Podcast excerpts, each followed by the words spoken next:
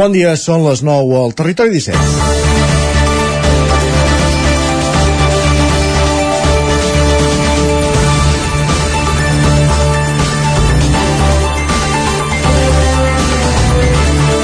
Si l'anunci del Ministeri de Transports, Mobilitat i Agenda Urbana d'iniciar l'any que ve els tràmits per desdoblar l'R3 entre Centelles i la Garriga s'hagués fet ara fa 10, 15 o 20 anys, ens l'hauríem agafat amb sorna.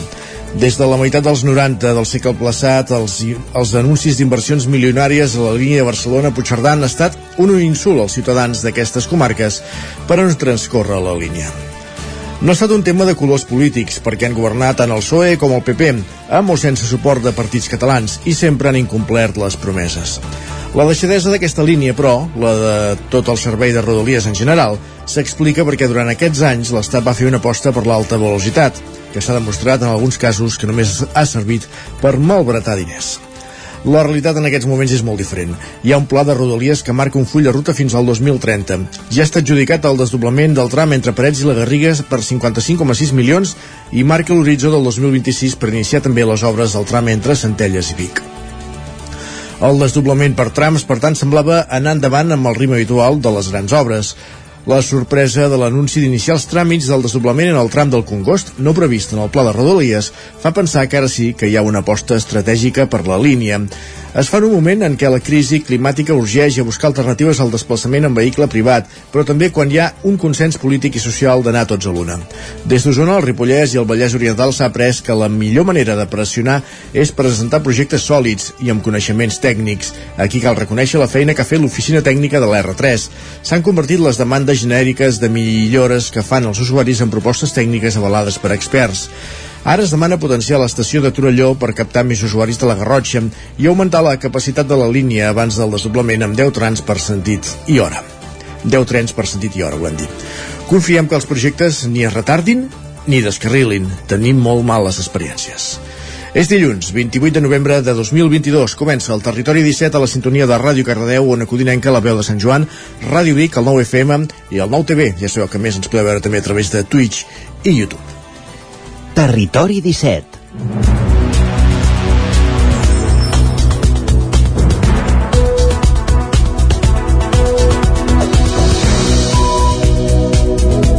Dos i mig són els minuts que passen ara mateix de les 9 del matí quan comença el Territori 17, avui dilluns 28 de novembre de 2022 un territori 17 que us acompanyarà durant dues hores, des d'ara fins les 11, i en el qual, en aquesta primera mitja hora, la primera part del programa, ens dedicarem a aprofundir en les notícies més destacades de les nostres comarques, el Vallès Oriental, Osona, el Ripollès i el Moianès. I ho farem en connexió amb les diferents emissores que dia a dia fan possible aquest programa. També repassarem la previsió del temps en companyia d'en Pep Acosta, el nostre home del temps, des d'Ona Codinenca, i farem un cop d'ull a les portades dels diaris anant al quiosc, amb en Sergi Vives. Al punt de dos quarts de deu, l'Isaac Montades ja recollirà la primera crònica de la setmana dels oferts usuaris de l'R3 a la tren d'Alba i a l'entrevista anirem fins a Ràdio Televisió Cardedeu en companyia d'en Pol Grau. Els solidaris, la Laura Serrat, avui ens descobrirà o ens posarà el dia de l'activitat d'Osona contra el càncer. Arribarem al punt de les 10 amb música i a aquesta hora ens tornem a posar al dia amb les notícies més destacades de les nostres comarques, la previsió del temps en Pep Acosta i els esports. Sabrem quin han estat quin ha estat l'esdevenir dels, dels partits que us avançàvem divendres a, a l'agenda. Al punt de dos quarts d'onze ens visitarà com cada dia en Guillem Sánchez amb les piolades més destacades que ha trobat a Twitter i acabarem el programa amb la tertúlia esportiva parlant del Mundial després d'aquest empat entre Espanya i Alemanya ahir al vespre que manté les coses ajustades en aquest grup dels molts grups d'aquest Mundial, també victòria de l'Argentina aquest cap de setmana, de tot plegat en parlarem avui a la darrera mitja hora del programa La Tertúlia Esportiva.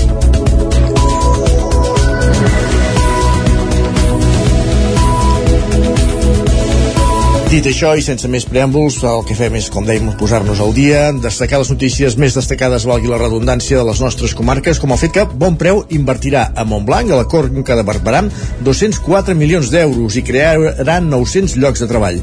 Són les previsions del grup a 10 anys vista amb la construcció d'una nova ciutat logística a la Conca de Barberà, la segona del grup, després de la de Balanyà, pensada per abastir els establiments de les comarques del sud i de Ponent. Sergi Vives. En una primera fase, Bonpreu construirà obrirà dos grans magatzems logístics per productes secs i frescos amb una inversió de 98 milions d'euros i la creació de 300 llocs de treball directes. Es preveu que aquests magatzems moguin un total de 25 milions de caixes l'any. A la segona i darrera fase s'ampliaran els magatzems fins a arribar a 103.000 metres quadrats. Bon preu calcula que cada que quan tingui tots els permisos, que esperen tenir-los al llarg de l'any vinent, en dos anys tindran la primera fase acabada. John Font és el president Així, del dintre del do... si dintre del 2023, que esperem que sigui així, eh, podem tenir-ho, serien dos anys a partir del 2023 que nosaltres podríem començar de, entrar i sortir camions de, del centre de Montblanc. Eh? diguem la part més previsible d'una operació d'aquest tipus és la constructiva. Eh? La més imprevisible és tota la gestió de permisos i de paperam. Aquesta serà la segona ciutat logística del grup. La primera, ubicada a Balanyà, Osona, se'ls ha quedat petita. La de Montblanc, tal com explica Font, servirà per eh, servir als supermercats dels grups a les comarques de Tarragona i Lleida. Si volem optimitzar la logística cap a les terres de Ponent o cap a les terres de l'Ebre eh, aquest entorn del Conca de Barberà i Montblanc és un lloc privilegiat en aquest sentit. Montpreu va aterrar dijous a Montblanc on va donar tots els detalls de la seva nova ciutat logística. Primer van fer una trobada amb empresaris i després van explicar-ho en un acte obert a tota la ciutadania. Més qüestions, la policia local de Ripoll fa servir càmeres per detectar vehicles sense assegurança ni la ITV en regla.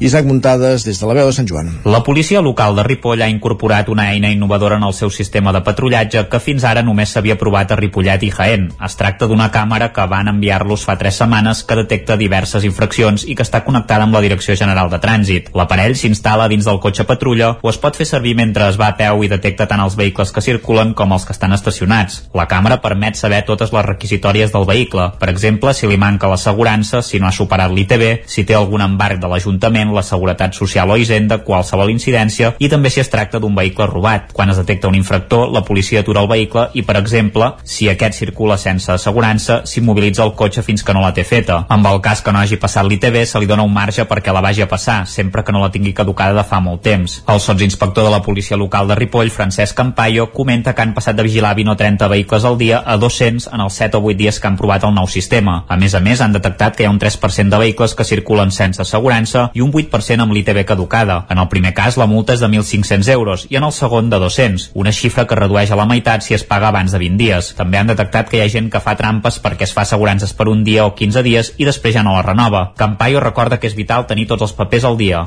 Sí, hem parat bastants cotxes i nosaltres estem molt satisfets i a més a més per la gent de Ripoll és una seguretat molt elevada perquè imaginem que hi ha un accident d'un cotxe sense assegurança i es tira sobre una família i els fills queden ferits o queda malament. El... Després tots sabem els problemes que ocasiona tenir un accident sense assegurança. Imaginem un incendi d'un vehicle en un pàrquing, s'incendia un, un vehicle, crema els dos vehicles del costat i no té assegurança. Què passa després? Qui cobra? Ningú. El sotsinspector també creu que s'hauria d'incrementar el preu de les multes en el cas que l'infractor fos reincident. Sí, hi ha sistemes nòrdics que apliquen així les denúncies. Finlàndia, Bèlgica, s'aplica en proporció. Per exemple, a Bèlgica, si no agafes un, un tiquet del metro, el primer dia pagues 10, el segon dia en pagues 40, el tercer dia en pagues 400. A Finlàndia igual, a Finlàndia igual et paren amb una alcoholèmia i el primer cop igual et fiquen 300 euros, però el segon cop igual pagues 3.000 i el tercer cop igual en vas a la presó. Llavors és, són sistemes graduals. Campaio està molt content de l'aplicació de tecnologia al cos dels agents de Ripoll, ja que també disposen de càmeres personals per gravar actuacions conflictives i drons per vigilar grans acumulacions de gent, com el que es va aprovar al concert que va fer fa uns mesos Joan Dausà a la Devesa del Pla.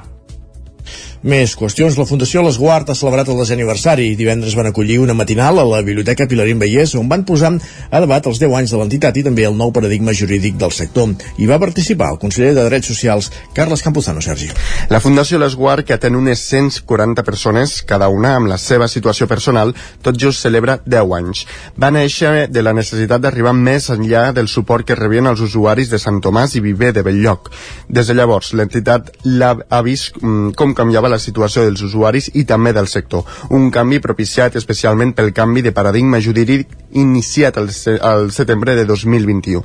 Felip Puigbó és el president de l'Esguard es va constituir amb persones amb discapacitat funcional que eren els de Sant Tomàs i el de la Fundació de Viver de Belllloc eh, més endavant eh, se'ns hi va afegir ja també salut mental o sigui, eh, i el FADO, la, la gent gran. El que seria la tutela d'abans, que era l'anul·lació de la persona quasi bé i que tota la representació la tenia el tutor, ara és l'assistència la, amb representació, però tot i així encara té l'última paraula, la té sempre l'assistit. Per celebrar el desè aniversari, la Fundació va organitzar diversos actes, un d'ells el divendres, un matinal a la Biblioteca Pilarín Vallès, on van posar a debat les experiències personals i dels professionals i també aquest nou marc jurídic. Carles Campuzano, conseller de Drets Socials, defensava que aquest canvi segura una ampliació dels drets de les persones. Resultava que en allò que és més fonamental de la nostra condició de ciutadans, que és poder decidir com volem viure, la norma legal establia que determinades persones no podien decidir com podien viure eren uns altres que decidien en nom, en nom d'ells és un canvi, existeixo, eh? eh? molt seriós i del que a vegades no en som prou conscients en tota la seva dimensió que més va lligat a la superació d'una idea de la, de la discapacitat eh, molt paternalista i molt protectora L'esguarateni acompanya a Osona a gent gran, persones amb discapacitat funcional i també té un servei de salut mental. Des del consistori Bigatà, Anna R. apunta que s'han convertit en una peça clau del nostre teixit social. Quan teniu doncs, alguna persona que potser ha de tenir clar si, si tenir doncs, vol o no que tingui aquesta ajuda tot, deies d'acord, però sort n'hi ha que hem tingut la sort de llavors poder-los dirigir a algun lloc i aquest cas sí que és l'esguard no? i jo diria que és una de les grans capacitats que fan els pobles i ciutats i aquí sobretot tant Vic com Osona sempre n'han set un exemple que davant d'una necessitat que moltes vegades l'administració no hi arriba, no té prou eines per arribar-hi, sempre hi ha sortit doncs, aquest pas que han fet les entitats la matinal la va tancar un recital de poemes d'autores catalanes en motiu del 25N, Caterina Albert, Mercè Reodoreda i Joana Raspall. Més qüestions, gràcies Sergi. Eh, Cardedeu acollir aquest diumenge la setena passejada inclusiva per al Dia Internacional de les Persones amb Discapacitat pel Grau, Ràdio Televisió Cardedeu. La setena passejada inclusiva es celebrava ahir diumenge 27, sortint des del Parc Pompeu Fabra fins la Mansos Mandia. Després de set anys celebrant-la i amb una participació d'unes 160 persones a l'anterior, aquesta ens esperava un trajecte de 100 quilòmetres sortint del Parc Pompeu Fabra fins a arribar a la Mansos Mandia. I som és una associació que va néixer el 2014 amb el propòsit de treballar per la inclusió de les persones amb discapacitat intel·lectual i l'exclusió social. L'entitat intenta preparar activitats que ajudin a treballar aquesta inclusió, la qual cosa fa que la passejada inclusiva es celebri anualment. Diumenge 27 es va donar la setena, que va iniciar el Parc Pompeu Fabra i va finalitzar amb un concert de la Mansos Mandia. Sortim d'aquí la pista coberta del Parc Pompeu Fabra i ens n'anem fins al centre ocupacional de Viver de Belllloc, que es diu l'Esqueix, que enguany està tancat perquè no han otorgat les places per, per obrir-lo. Llavors farem un acte una mica reivindicatiu, també actuarà el Cor d'Encant, que és una, una coral d'aquí Cardedeu, que tots són dones, i després ens anem fins a Mansos Mandia que és al principi del camí de Sant Hilari hi ha una casa molt bonica i allà es farà esmorzar i un concert de música amb l'Iguana Fine que és una passejada que està oberta a tothom és d'un recorregut accessible, són 5 quilòmetres, però es pot fer amb cadira de rodes, es pot fer a peu, es pot fer amb cotxe si algú al algun tram no s'hi veu en cor, però és un, un tram molt, o sigui, és, un fàcil, és de fàcil recorregut, no hi ha ni moltes pujades ni, ni molt desnivell ni molt pedregant, no? és, és fàcil. I aleshores el que fem és trobar-nos per fer un dia de convivència, és una prova, o sigui, és, un, és una festa, no és competitiva, i el que, una mica com el simbolisme de passegem tots junts per una societat millor, no? més inclusiva, en el qual totes les persones tinguem les capacitats que tinguem, tinguem cabuda i tinguem els drets que els tenim reconeguts però que molt sovint no respecten.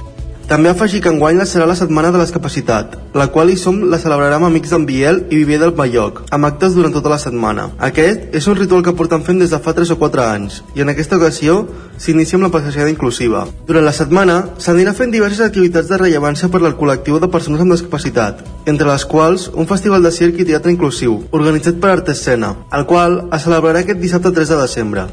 Gràcies, Pol. Més qüestions. Falta mig any per les eleccions municipals del maig de l'any que ve, del 2023, i mica en mica les van coneixent candidats. Els últims. Cristina Sunyent serà la cap de llista de republicana de Vilatorta i Vilalleons, ho avançàvem la setmana passada, i a seva Pol Bernils passarà al capdavant també de la llista associada a Esquerra Republicana. Sergi.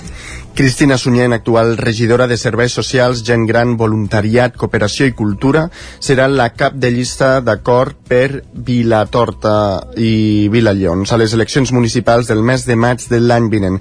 Sunyent rellevarà així a l'històric Joan Carles Rodríguez, que també és president del Consell Comarcal i que haurà estat alcalde de Sant Julià durant 12 anys. L'Assemblea de la llista republicana va ratificar la candidata que diu encara l'etapa la, amb il·lusió i respecte. Per una banda responsabilitat perquè tinc 8 anys d'experiència de, i em semblava doncs, que aquests 8 anys d'experiència eren com l'escola perfecta, diguem-ne, eh, per tirar endavant i per agafar el relleu d'en Joan Carles. No? Durant aquests anys he après moltes coses, tant de funcionament del que seria política municipal com de valors doncs, vinculats a la transparència, vinculats a l'honestedat. He après moltíssim amb en Joan Carles i em semblava doncs, que era el moment de, de fer un pas endavant, de no amagar-me, diguem, més darrere dels companys més grans de la llista. A Ceba, Pol Bernils, primer tinent d'alcaldia i regidor d'Esports, Joventut i Comunicació, rellevarà l'actual alcaldessa Mariana Pineda com a alcaldable per l'actual grup d'Esquerra que ha governat els darrers vuit anys. Aquest cop ho farà amb una marca blanca vinculada als republicans Sumem AM, ja que incorporarà la llista als independents de gent per Ceba, que ja han format part del govern aquest mandat. Bernils ja té experiència a l'alcaldia, ja que durant un any ha substituït l'alcaldessa per motius de salut. M'he sentit molt a gust, m'he sentit doncs, molt recolzat per, per tots i, i la decisió de, de posicionar-me doncs, al capdavant doncs, ha estat una decisió col·lectiva, eh, evidentment doncs, eh, confirmada per les meves ganes i, i res, i molt, molt il·lusionat. Eh, vam decidir fer, fer un canvi de cicles. Amb la Núria Rivera hem portat doncs, durant aquests 4 anys doncs, ens, ens hem sentit doncs, molt, molt a gust tant amb ella com amb el seu equip. I, i finalment doncs, eh, jo sempre dic que, que treballem pel, pel poble. I la setmana passada els republicans també van anunciar que l'àrea Hidalgo serà la cap de llista del grup Gent de Sant Martí de Centelles, eh, que agafa el relleu de Xavier Serrat, que va obtenir tres regidors al 2019 i està a l'oposició.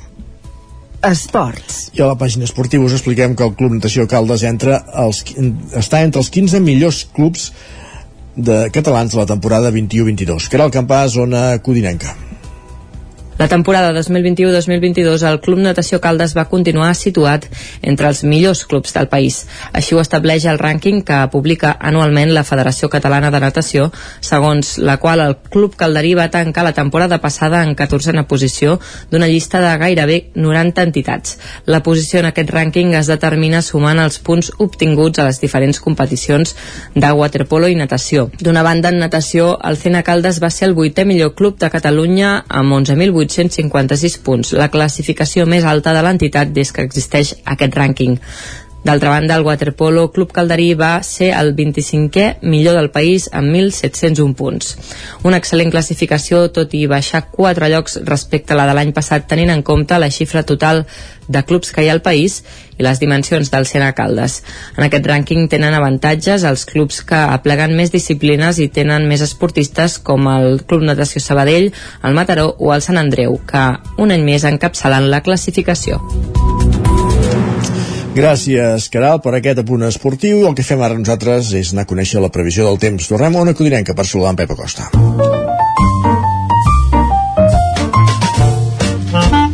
Casa Terradellos us ofereix el temps. Venim del cap de setmana, encarem una nova setmana, volem saber com es presenta meteorològicament parlant, per tant, saludem en Pep. Pep Acosta, bon dia. Hola, bon dia.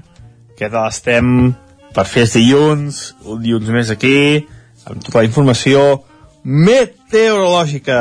Doncs va, vinga, uh, Què podem dir del cap de setmana?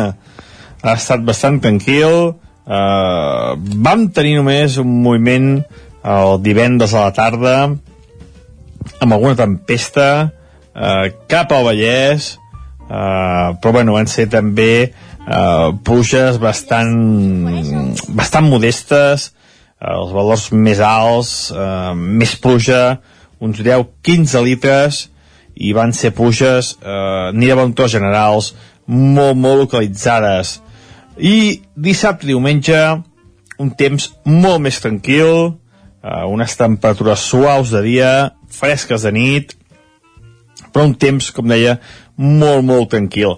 I ara se'ns està costant un front, s'acosta un front atlàntic, eh, anem fent... Eh, ja fa dies que tenim aquesta circulació de fronts atlàntics, fronts que venen de la península ibèrica i que, i que van d'oest a est, però que són de tercera o quarta categoria. I aquest, novament, serà tercera o quarta categoria. Està plovent cap a la part oest de Catalunya. És un plourà més en, en aquella zona i és que aquests fronts atlàntics és on deixen més precipitació, cap a l'oest de, de, de Catalunya. Uh, al llarg del matí, també he vist dia, ens anirà creuant aquest front, uh, pot deixar precipitacions escasses, la majoria de valors entre el 0 i els 5 litres a les nostres comarques, eh, poca cosa, nevada a uns 1.500-1.600 metres, també molt poca cosa al Pirineu Oriental, i a que vagi passant el front, de cara a migdia tarda, entrarà el vent. Atenció al vent que bufarà fort cap a les zones del Pirineu, cops de 70, 80, 90 km per hora, a la resta de les comarques molt més modest, 30-40 km per hora, com a molt de, de cop eh, més fort. De cara a la tarda, aquest front ja haurà marxat, eh, ens afectarà res, 3-4 hores, i a la tarda el sol ja s'imposarà. S'imposarà però amb unes temperatures més baixes. Ens aportarà aire fet aquest front, eh, vent del nord, que farà que les temperatures baixin. Cap de setmana tingut màximes entre els 14 i els 18 graus, avui les temperatures màximes eh, amb prou feines arribaran als 15. Eh, per tant, es notarà aquesta frescada. I la pròxima nit serà més freda. Un fred que es mantindrà tota la setmana amb bastanta nuvolositat, eh, anirem cap a aquests fons atlàntics i, per desgràcia, poca pluja durant tota la setmana. No hi ha manera que arribi una pluja bona, una pluja continuada a totes les nostres comarques, a tota la població catalana, tampoc, eh? No, no hi ha manera, no hi ha manera. I això és tot. A disfrutar el temps i disfrutar el dia d'avui. Adeu. Adeu, Pep, gràcies. Parlem més tard. Ja ho veieu, un front atlàntic de quarta, cinquena categoria que diu en Pep, per tant, poc moviment meteorològic. Ho anirem seguint durant la setmana, de totes maneres. Parlem d'aquí una estona, Pep. Fins ara. Casa Tarradellas us ha ofert aquest espai. I del temps al di als diaris, anem cap al quiosc. Anem al quiosc, Sergi, perquè volem saber quines són les portades dels diaris del dia i avui, com que és dilluns, comencem per les portades del 9-9. Així és. Comencem pel 9-9 d'Osona el Ripollès, que, de que destaquen que la Diputació fa una prova pilot a la carretera de la Fullaca per millorar la seguretat dels ciclistes. I la prova pilot consisteix en anar a 50, eh? Ah, exactament i també senyalitzen, també hi ha senyals que senyalitzen la distància de seguretat, ho veiem aquí amb una fotografia, una notícia que també l'enllacen amb que dues, hi ha hagut dues víctimes mortals durant el 2022. Dos ciclistes morts a les carreteres d'Osona, correcte. I també destaquen així més petitet que els restauradors afronten la campanya de Nadal amb optimisme, tot i que no troben personal un tema recurrent ara ja fa uns quants mesos, eh? la falta de personal per treballar a l'hostaleria o en feines amb horaris més compromesos, com de cap de setmana, Complicats. festius, etc. Més titulars. Doncs va, anem cap al 9-9 del Vallès Oriental, que expliquen que l'eix comercial de Granollers només recupera part del flux de vianants perdut per la Covid. I també destaquen, doncs aquí ho veiem amb una fotografia, que les, les franqueses celebren una multitudinària festa de la mongeta de Ganxet de Llerona. Molt bé. I amb més petit, també ho veiem amb una fotografia, que IKEA obrirà un punt de recollida a Granollers. Veus? No tenen botiga, però un punt de recollida. Sí, sí. Què més? Doncs va, Anem a les portades editades a Barcelona. Això mateix, anem al punt avui, que encapçala la portada amb la paraula minifiscalitat. Això per explicar que el govern només recapta el 17,5% dels ingressos provinents via impostos. I aquí posen doncs, un llistat dels impostos vigents a Catalunya, diferenciant els tributs estatals i els tributs propis. I també destaquen que Junqueras s'afila les crítiques a Junts, a qui veu miop i egoista. Caram. El periòdico explica que Espanya se situa a la cua d'Europa en mecenatge i amb una fotografia del gol doncs, d'Álvaro Morata d'ahir expliquen que Espanya està més a prop de vuitens. Per altra banda, diuen que el PSOE... Tan a prop com, com, com que si perden contra el Japó no hi passen, però vaja, en fi, Ja, és igual. sí, sí. Més qüestions. Sí, sí, no? Ells jugaven des del got buit, eh, nosaltres no. Ai, ple, nosaltres no. Què més, va? Um, per altra banda, diuen que el PSOE i Esquerra inicien el, els contactes per la reforma de la malversació. I la Vanguardia, perdó, Perdonat. Uh, destaca les protestes que hi ha a les grans ciutats xineses contra la política de Covid-0 i en relació al Mundial doncs, apunten que Espanya i Alemanya signen taules i posen doncs, una fotografia també del gol d'Álvaro Morata. Lara destaca que les protestes contra Xi Jinping creixen a la Xina i aquí posen una fotografia d'aquestes protestes sí. i també destaquen que la derogació de la sedició pot afectar la causa de l'1 d'octubre davant el Tribunal d'Estrasburg. El país, anem cap a Madrid, destaca que les protestes eh, creixen a la Xina contra la Covid, eh, contra la política de la COVID, del Covid-0 sí. i també expliquen que els socis, PSOE i Unides Podem, reactiven la llei de l'habitatge i xoquen per la llei trans. Sempre xoquen, eh? Sí, aquesta llei és diaris. polèmica. Què més? I en relació al Mundial de Qatar, doncs diuen que Espanya també sap competir, posen doncs una fotografia de Pedri intimidat per cinc rivals alemanys. Caram. L'ABC destaca que el PP supera el PSOE a totes les comunitats, menys al País Basc i Catalunya, i posen aquí un gràfic ensenyant doncs, que la suma dels populars i l'extrema dreta farien una majoria absoluta de 182 escons. I el Mundo, eh, canviem de diari, destaca que Page, Page eh, Page. Page, pues, Page. García Page. està al límit de perdre Castilla-La Manxa després de la derogació de la sedició. Carai. I també destaquen que el número de joves que, co eh, que cobren menys de 1.000 euros es dispara. I molt ràpidament la Razón destaca en una entrevista que li han fet al vicesecretari d'Economia del PP, Juan Bravo, on destaquen que la classe mitjana serà el pilar del seu projecte polític. Doncs són titulars que podem llegir avui a la premsa, titulars que trobem avui als diaris al quiosc, amb els quals acabem aquest primer bloc del Territori 17. Fem una petita pausa, tot seguit, per la publicitat i tornem d'aquí 3 minuts. Fins ara mateix. Cobertes serveis funeraris. Els nostres tanatoris estan ubicats en els nuclis urbans més poblats de la comarca d'Osona per oferir un millor servei. Tanatori de Vic, Tanatori de Manlleu, Tanatori de Centelles i Tanatori de Roda de Ter. Sabem que són moments difícils i per això el nostre compromís és atendre-us en tot moment amb un tracte humà, sensible i respectuós. Cobertes serveis funeraris. Telèfon 24 hores 93 883 23 46. Amb Pradell estalvio energia i cuido la meva butxaca i el medi ambient. Posa't en mans a Pradell, són experts en calderes de gas i condensació, estufes de pèl·let, energia solar, terres radiants i geotèrmia. Pradell instal·la calderes de biomassa per a particulars i per a empreses. Si vols estalviar un 50% en consum, contacta amb Pradell i passa't a les energies renovables. Pradell, som a l'Avinguda Països Catalans 27 de Vic. Telèfon 93 885 1197. Pradell.cat. Has esperat que arribi el fred per comprovar si et funciona bé la caldera? No pateixis, a Casa Jové som especialistes en manteniment, reparació i revisió d'equips d'aigua calenta i calefacció, tant en l'ambient domèstic com industrial. Si tens una avaria, no ho dubtis. Som Casa Jové. Ens trobaràs al carrer Girona, número 9 de Vic i al telèfon 93 886 1596. Casa Jové, el teu servei tècnic de confiança. Al mirador del Puigsecalm hi trobareu un espai agradable amb la mirada posada en la gent gran, enmig de la natura, a només 15 minuts de la vall del Gès. Busquem oferir la millor atenció personalitzada per a tots els nostres usuaris, tot des d'un lloc privilegiat al cor de la vall d'en Bas, amb vistes al Puigsecalm. Residència al mirador del Puigsecalm, un capital humà al servei de les persones. Trobareu tota la informació a miradorpuigsecalm.cat. Cocodril Club. Si t'agrada la bona música dels anys 60, 70 i 80, escolta el 9 FM als matins de dissabtes i diumenges d'11 a 1.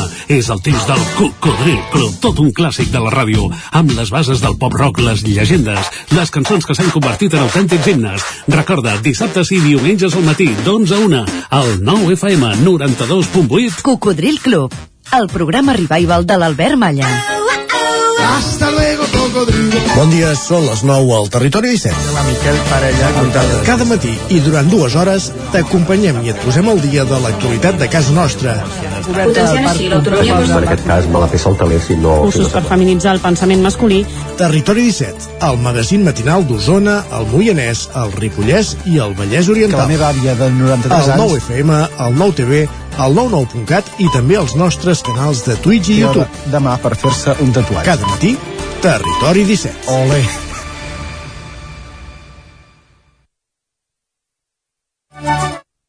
Territori 17.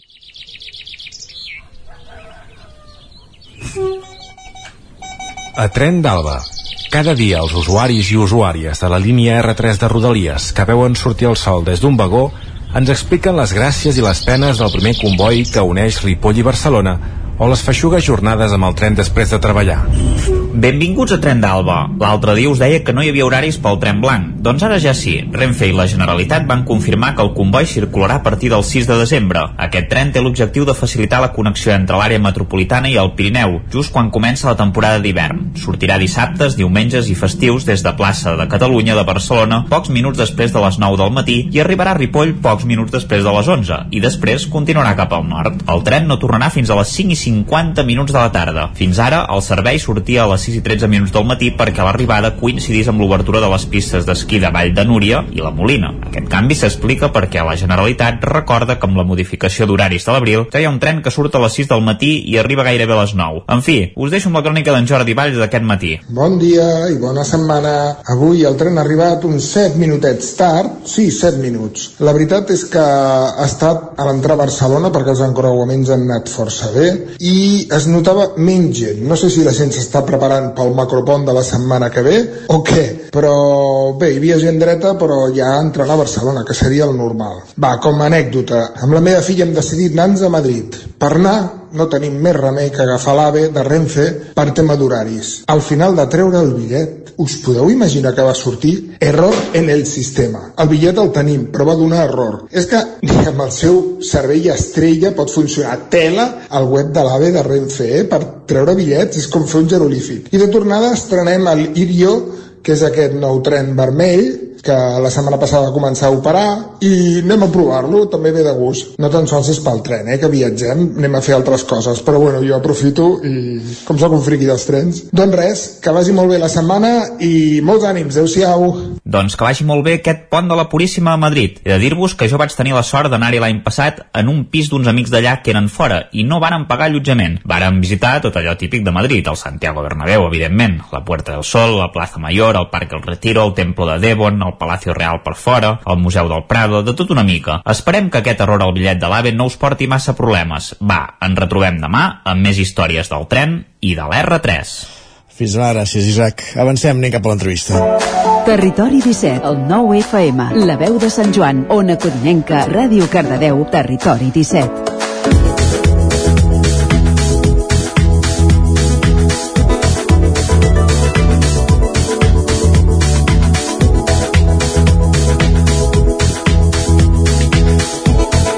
Tres minuts que passen de dos quarts de deu. Avui, des de Ràdio Cardedeu, conversem amb Núria Noguera, presidenta d'ISOM, Laura Duenyes, responsable de Relacions Externes del Viver de Belllloc, i Noèlia Cortés, presidenta d'Amics d'en Biel. Eh, Volem parlar amb elles d'aquesta setmana, dels actes que han preparat aquesta setmana per commemorar el Dia Internacional de les Persones amb Discapacitat i que començava ahir amb aquesta caminada que avançàvem a, a les notícies de, de les 9. Anem fins a Ràdio Televisió Cardedeu, primer de tot, Pol Grau, benvingut, bon dia. Bon dia. Portem aquí... Què tal? Bon dia. Com estàs? Tot bé? Començar la setmana. Molt bé. Qui ens acompanya a l'entrevista, doncs? Doncs avui tenim a la Núria, la Laura i la Noèlia. Uh -huh. No sé si ens escolten elles. I tant. Sí. Aquí està. Bon dia. Bé, bo, bon dia. Eh, bé, dissabte 3 es celebra el Dia Internacional de les Persones amb Discapacitat, però abans de començar a parlar i perquè la gent que ens escolti i us coneixi i explicar qui sou i què feu, si ens podeu explicar una mica qui sou cada una i què feu amb les entitats que teniu. D'acord. Aquí comença. Sí? doncs bé, jo sóc eh, la Núria Noguera, sóc presidenta de l'associació ISOM, que ens van fundar l'any 2014 aquí a Cardedeu, per uh, donar visibilitat i lluitar doncs, una mica per la inclusió de les persones amb discapacitat intel·lectual i amb risc d'exclusió social. Llavors nosaltres el que fem és uh, diferents projectes, entre els quals hi ha la passejada que vam celebrar ahir, uh, un, un grup de lectures en veu alta, de contes per adults, eh, també fem activitats de reflexió i de difusió, i, i, i, i, ah, i ara fem un, un grup de teatre eh, juntament amb Art Escena Teatre Social que es diu Closart que es, bueno, ja en parlarem després. I, I després, a més a més, tenim el gran projecte que és Xocala, que és un obrador de xocolata doncs, uh, social. No? És una mica el que, el que fem nosaltres. Laura Noèlia. Vinga, Laura, anima't. Bueno, bueno, bon dia. Jo és la Laura Dueñas de, de Vida de Llocs, la responsable de Relacions Externes. Vive de Belloc doncs, som dues fundacions eh, sense ànim de lucre d'aquí a Cardedeu, que just aquest any eh, fem 40 anys, 40 anys aquí al territori. La nostra missió doncs, és acompanyar projectes de vida de persones capaces de molt, eh? persones amb, amb discapacitat intel·lectual o un trastorn de la salut mental i duem a terme aquesta missió mitjançant projectes de, laborals, de formació, d'habitatge i, de, i de lleure. Així, a lo grande són diverses eh, dimensions d'atenció a aquestes persones. Noèlia? Molt bé, bon dia.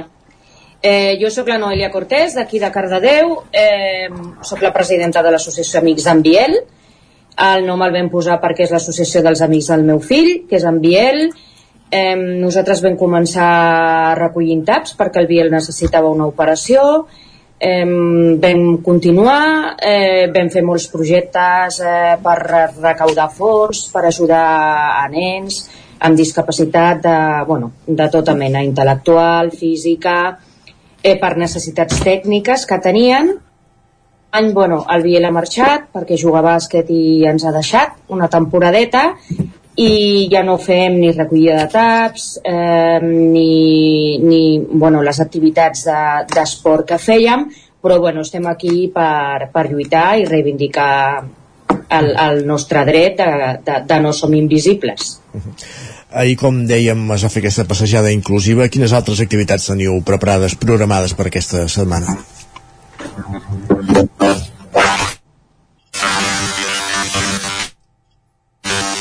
Ui. Ara. No se la sent a la Laura. No, no se't sent, Laura. Ara, ara sí, ara sí. Perdoneu, és que estem jugant... Endavant, Laura. Doncs no, tenim problemes, no. tenim problemes amb el micròfon de la, de la Laura i no l'acabem de... no ens arriba nítid, bueno, no ens arriba nítid, ens, ens, ens arriba un so molt estrany de, de la seva veu. Uh, no sé si mentre us resolem, Núria o Noel, ens podeu avançar aquestes activitats previstes per aquesta setmana. Núria, ho expliques sí. tu? Millor? Val.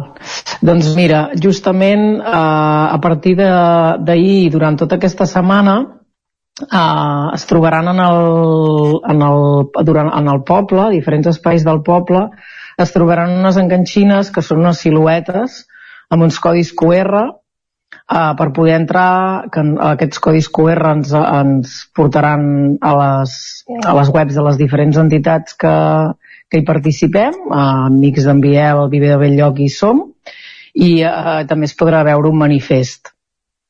Llavors, uh, bé, una mica és per no, eh, reivindicar el que deia la Noèlia de no som invisibles, no? de, també formem part d'aquesta societat i, i necessitem que, que, es, que, que, que, que es facin visibles els nostres drets, no?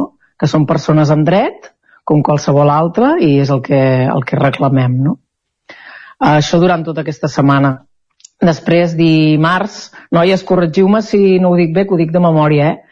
Val. Dimarts, eh, oi que és eh, dimarts la xerrada o dimecres?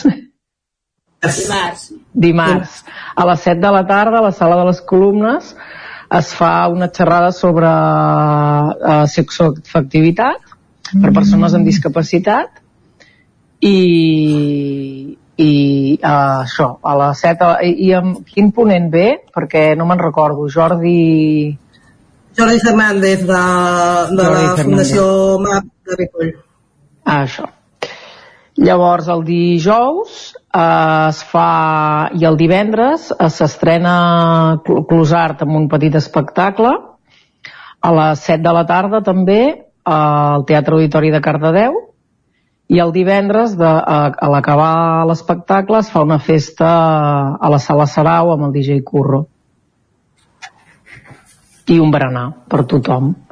Evidentment són activitats doncs, obertes a tothom, qui li interessi el tema, qui, qui vulgui participar i qui no, està bé que el- l'objectiu que tenim doncs, és aquest, donar visibilitat. No? Pol. Tragèdia inclusiva, la setena. Com, com va anar l'activitat? Com us va anar el dia ahir? Mira, va ser un dia molt bonic, un dia que vam sortir des de la pista del Parc Pompeu Fabra i vam anar fins a l'Esqueix, que és el centre ocupacional de Viver, una mica per reivindicar l'obertura que fins ara no ha pogut ser possible no, del centre. Llavors, eh, es, en allà es va fer, bueno, vam llegir un manifest i llavors la coral Encant, vam cantar, que és un, una coral de dones d'aquí Cardedeu, vam cantar tres cançons i després vam caminar fins a Mansos Mandia que és una casa molt bonica que molta gent de Cardedeu no sap ni que existeix, no? o no sabíem ni que existia, perquè jo tampoc fins fa poc. I, i allà es va fer esmorzar i va actuar un grup de Cardedeu que es diuen eh, Iguana Fine, que són super recomanables perquè són molt canyeros i porten molta marxa. I va ser un dia molt bonic, però la veritat és que la participació enguany és la més baixa que hem tingut des de, en, les, en totes les edicions que fa que la fem. Uh, va venir la gent de l'Ajuntament i sí que ens van comentar que mm, no, no se sap massa què està passant, que totes les activitats que s'estan fent hi ha, poca, hi ha poca participació en general. O sigui que no era només un tema de la passejada, sinó que es veu que és bastant genèric. Però ho vam valorar com, com un acte molt tranquil, molt relaxat, en què la gent doncs, va poder gaudir molt de la jornada i, i de la festa i la veritat és que sempre és gratificant fer-la i, i ens aporta molt a tots. Mhm. Veiem tot el programa d'activitats que va acompanyat d'aquest hashtag, el No som invisibles. Uh, una, una mica, uh, expliquem-nos expliquem quina és la, la situació de, de les entitats que treballeu per les persones amb discapacitat i, i fins i tot de les persones a nivell de, de recursos i de suport institucional ara mateix. Això crec que la més idònia és la, la Laura, no? Em sembla que l'hem recuperada, eh? Sí? Sí. M'escolta bé? Ara sí, perfecte. Sí. Bueno, um, a veure, el No Som Invisibles és un hashtag o un lema no?, que vam instaurar ja fa dos anys arran de, de que aquell, aquell any uh, es reclamava uh, més places, uh, o sigui, trencar una mica amb les llistes d'espera, que és eh, una cosa que malauradament, tot i haver passat tres anys, segueix una mica amb la mateixa situació, um, i vam decidir mantenir aquest No Som Invisibles i cada any treballar diferents temes. No? Um, aquell any es va fer les llistes d'espera, aquest any uh, hem decidit doncs, apostar per el No Som Invisibles en sexoafectivitat, doncs perquè, evidentment, com qualsevol altra persona, doncs, les persones amb discapacitat també han de gaudir de la seva sexoafectivitat i uh, no som invisibles a la, a la cultura i a l'oci. No? Uh, això em remet a aquest tema que ens preguntàveu no? de, de la situació. Bueno, um, malauradament eh, encara, tot i haver-hi un treball en, en xarxa no? i que al final les entitats o algunes o la majoria eh, moltes vegades oferim serveis que estan eh, concertats no? eh, per, la, per la Generalitat i estem molt orgulloses de poder-ho fer eh, sembla que encara eh, hi ha una mica de divergència entre les necessitats que es detecten eh, des del territori, des de les entitats, amb les provisions o previsions que es fan des de l'administració. No? Um, per això estem, no? una de les raons és aquesta, intentar visibilitzar això i intentar trobar la manera de que anem més, més uh, per igual, no? que no hi hagi tanta divergència entre el que realment el territori necessita i les provisions que es fan, que entenem que van pues, eh, molt, moltes vegades condicionades a pressupostos, però que a vegades també, eh, si treballem encara més plegades, que ja ho fem, mm -hmm. si treballem una miqueta més plegades segur que aconseguim doncs, eh, que no hi hagi eh, aquestes llistes d'espera que, que en depèn de quins serveis doncs, aquí al territori, almenys al Vallès Oriental eh, poden arribar a això a més, a més de 100 persones esperant per exemple una plaça d'habitatge no? eh, llavors, bueno, eh, intentarem seguir eh, lluitant i donant veu eh, a persones que malauradament amb aquestes coses sembla que encara a dia d'avui no, no la tenen no? o no se les escolta lo suficient. Jo volia fer un petit incís, Endavant. un afegit, si em permeteu, eh, que al ser una entitat més petitona nosaltres eh, tractem més el tema esportiu, que considerem que és de lleure, eh, és de lleure perquè eh, practicar esport no sempre vol dir competir. I aquí, normalment, quan es mira a l'esport, es mira la competició. I hi ha molts col·lectius petitons que no poden gaudir de fer esport ni de fer lleure perquè mm, no estem inclosos dintre de la competició, que és el que, el, que realment eh, empenya a la, a, la, a la gent a fer esport, a la gent i, al, i, al, i a l'administració en aquest cas. Ens agradaria que mm, l'esport estigués doncs, una miqueta més obert i no tan sols per competir, sinó per fer esport per salut, per diversió i perquè tenim tot el dret de fer esport i de, fer, i de gaudir de la cultura com, com la resta de la, de, de la població de Cardedeu. Està clar. I que dius esport, també aquesta setmana feu el, el, el cicle de la calma del cinema d'esports a l'Esbarjo d'aquí a Cardedeu. És nou aquest any que, que podem dijous i divendres podem veure dos, activit, dos dies diferents quines activitats podrem veure o pel·lícules podrem veure documentals Bueno, la veritat és que m'enganxes perquè jo col·laboro amb la Calma des de l'any passat i clar, Ho tinc, aquest any tinc aquí jo és també la xuleta Jo, jo el tinc, eh, també, si voleu. la xuleta. perquè jo vaig, vaig fent, vaig fent i després em preguntes qui surt i en quedo la veritat és que el, el documental que més se m'ha quedat en el cap és el de Júrria val? Que, que són uns pastors de, de Gran Canària que fan servir uns, com, unes, com uns bastons però enormes per passar de muntanya a muntanya. I encara es practica. Aquest sí que us ho recomano perquè és una passada el documental i, i bueno, el documental va, va en base a això també hi ha un altre, dieu-m'ho perquè no tinc el cartell davant Noèlia. Ai, Laura, perdona. Sí, mira, de, o sigui, el, el, bueno, divendres passat ja es va fer com una presentació sí. de, de lo que és el festival, que, que es va poder presentar també el projecte de Roca Nua, que fan, eh, que defensen l'escalada a l'estil tradicional, i han acabat el, eh, el dijous i divendres el que és el cinema Esbarjo, el dijous hi ha xerrada i presentació de tres entitats, que són Roca Nua, Mountain Wilderness, perdoneu el meu anglès, i Stop Jocs Olímpics, uh, i es farà la projecció d'un curt que és Jumbo Wild, uh, i el divendres hi ha tres curts, el de Júria, que comenta la, la Noèlia, el de John Gonch, Honey Bee, uh, que veus per què no m'ho sé això? és que és, Ho entens és ara? complicat. és, és poc accessible això eh?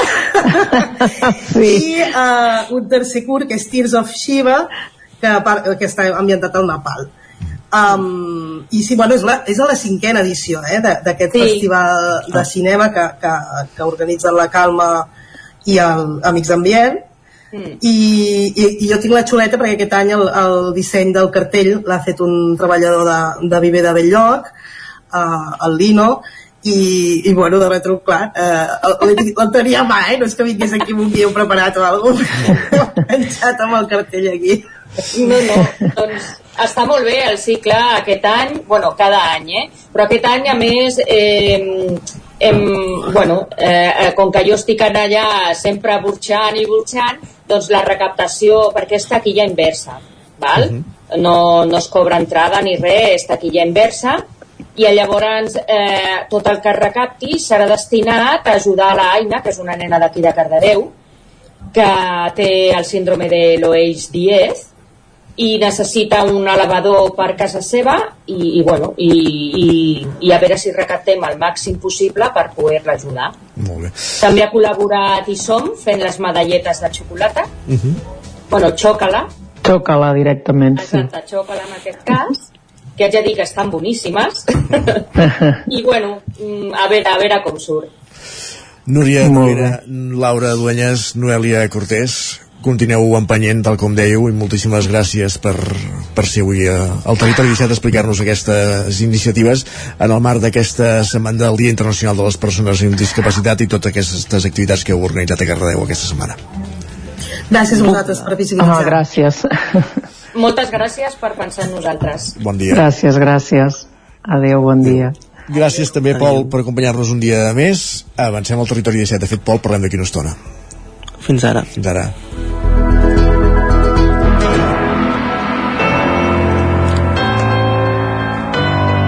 Territori, Territori 17. 17. Territori 17.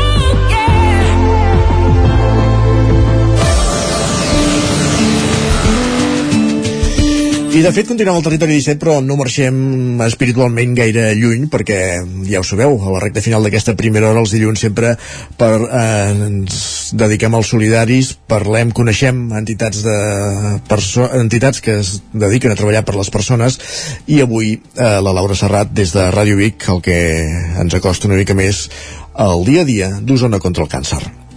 Per tant, sense més preàmbuls, Laura, benvinguda un dilluns més parlem d'Osona contra el càncer en els últims programes del Solidari ja hem parlat dels efectes que pot tenir el càncer en la vida de les persones, concretament quan vam conèixer un covellès i la Fundació Amic Joan Petit, que centren la seva activitat en ajudar la gent que pateix aquesta afecció. Avui, des de Ràdio Vic i a través de l'antena del Territori 17, és moment de seguir aquest camí tot parlant amb una entitat referent a la comarca d'Osona, Osona contra el càncer. Aquesta entitat porta més de 20 anys lluitant i recollint diners per totes les persones que pateixen aquesta malaltia a la comarca. En coneixerem tots els detalls tot parlant amb la Cristina Herrera, presidenta d'Osona contra el càncer. Herrera comença fent-nos 5 cèntims sobre els motius i orígens de la fundació de l'entitat, allà el 1998. Osona contra el càncer és una entitat que té 24 anys de vida. 2023 celebrarem el 25è aniversari, tot i que la gent que, que va posar en marxa l'associació ja portava molts anys de trajectòria amb la lluita contra el càncer, perquè originàriament doncs, doncs, tot això venia de l'Associació Espanyola de, contra el Càncer i en un moment donat les juntes locals de la comarca van decidir doncs, formar una associació independent i, i arran d'una campanya campanya que es va dir precisament Osona contra el càncer, doncs es va decidir a constituir l'associació i així va néixer l'any 1998 Osona contra el càncer.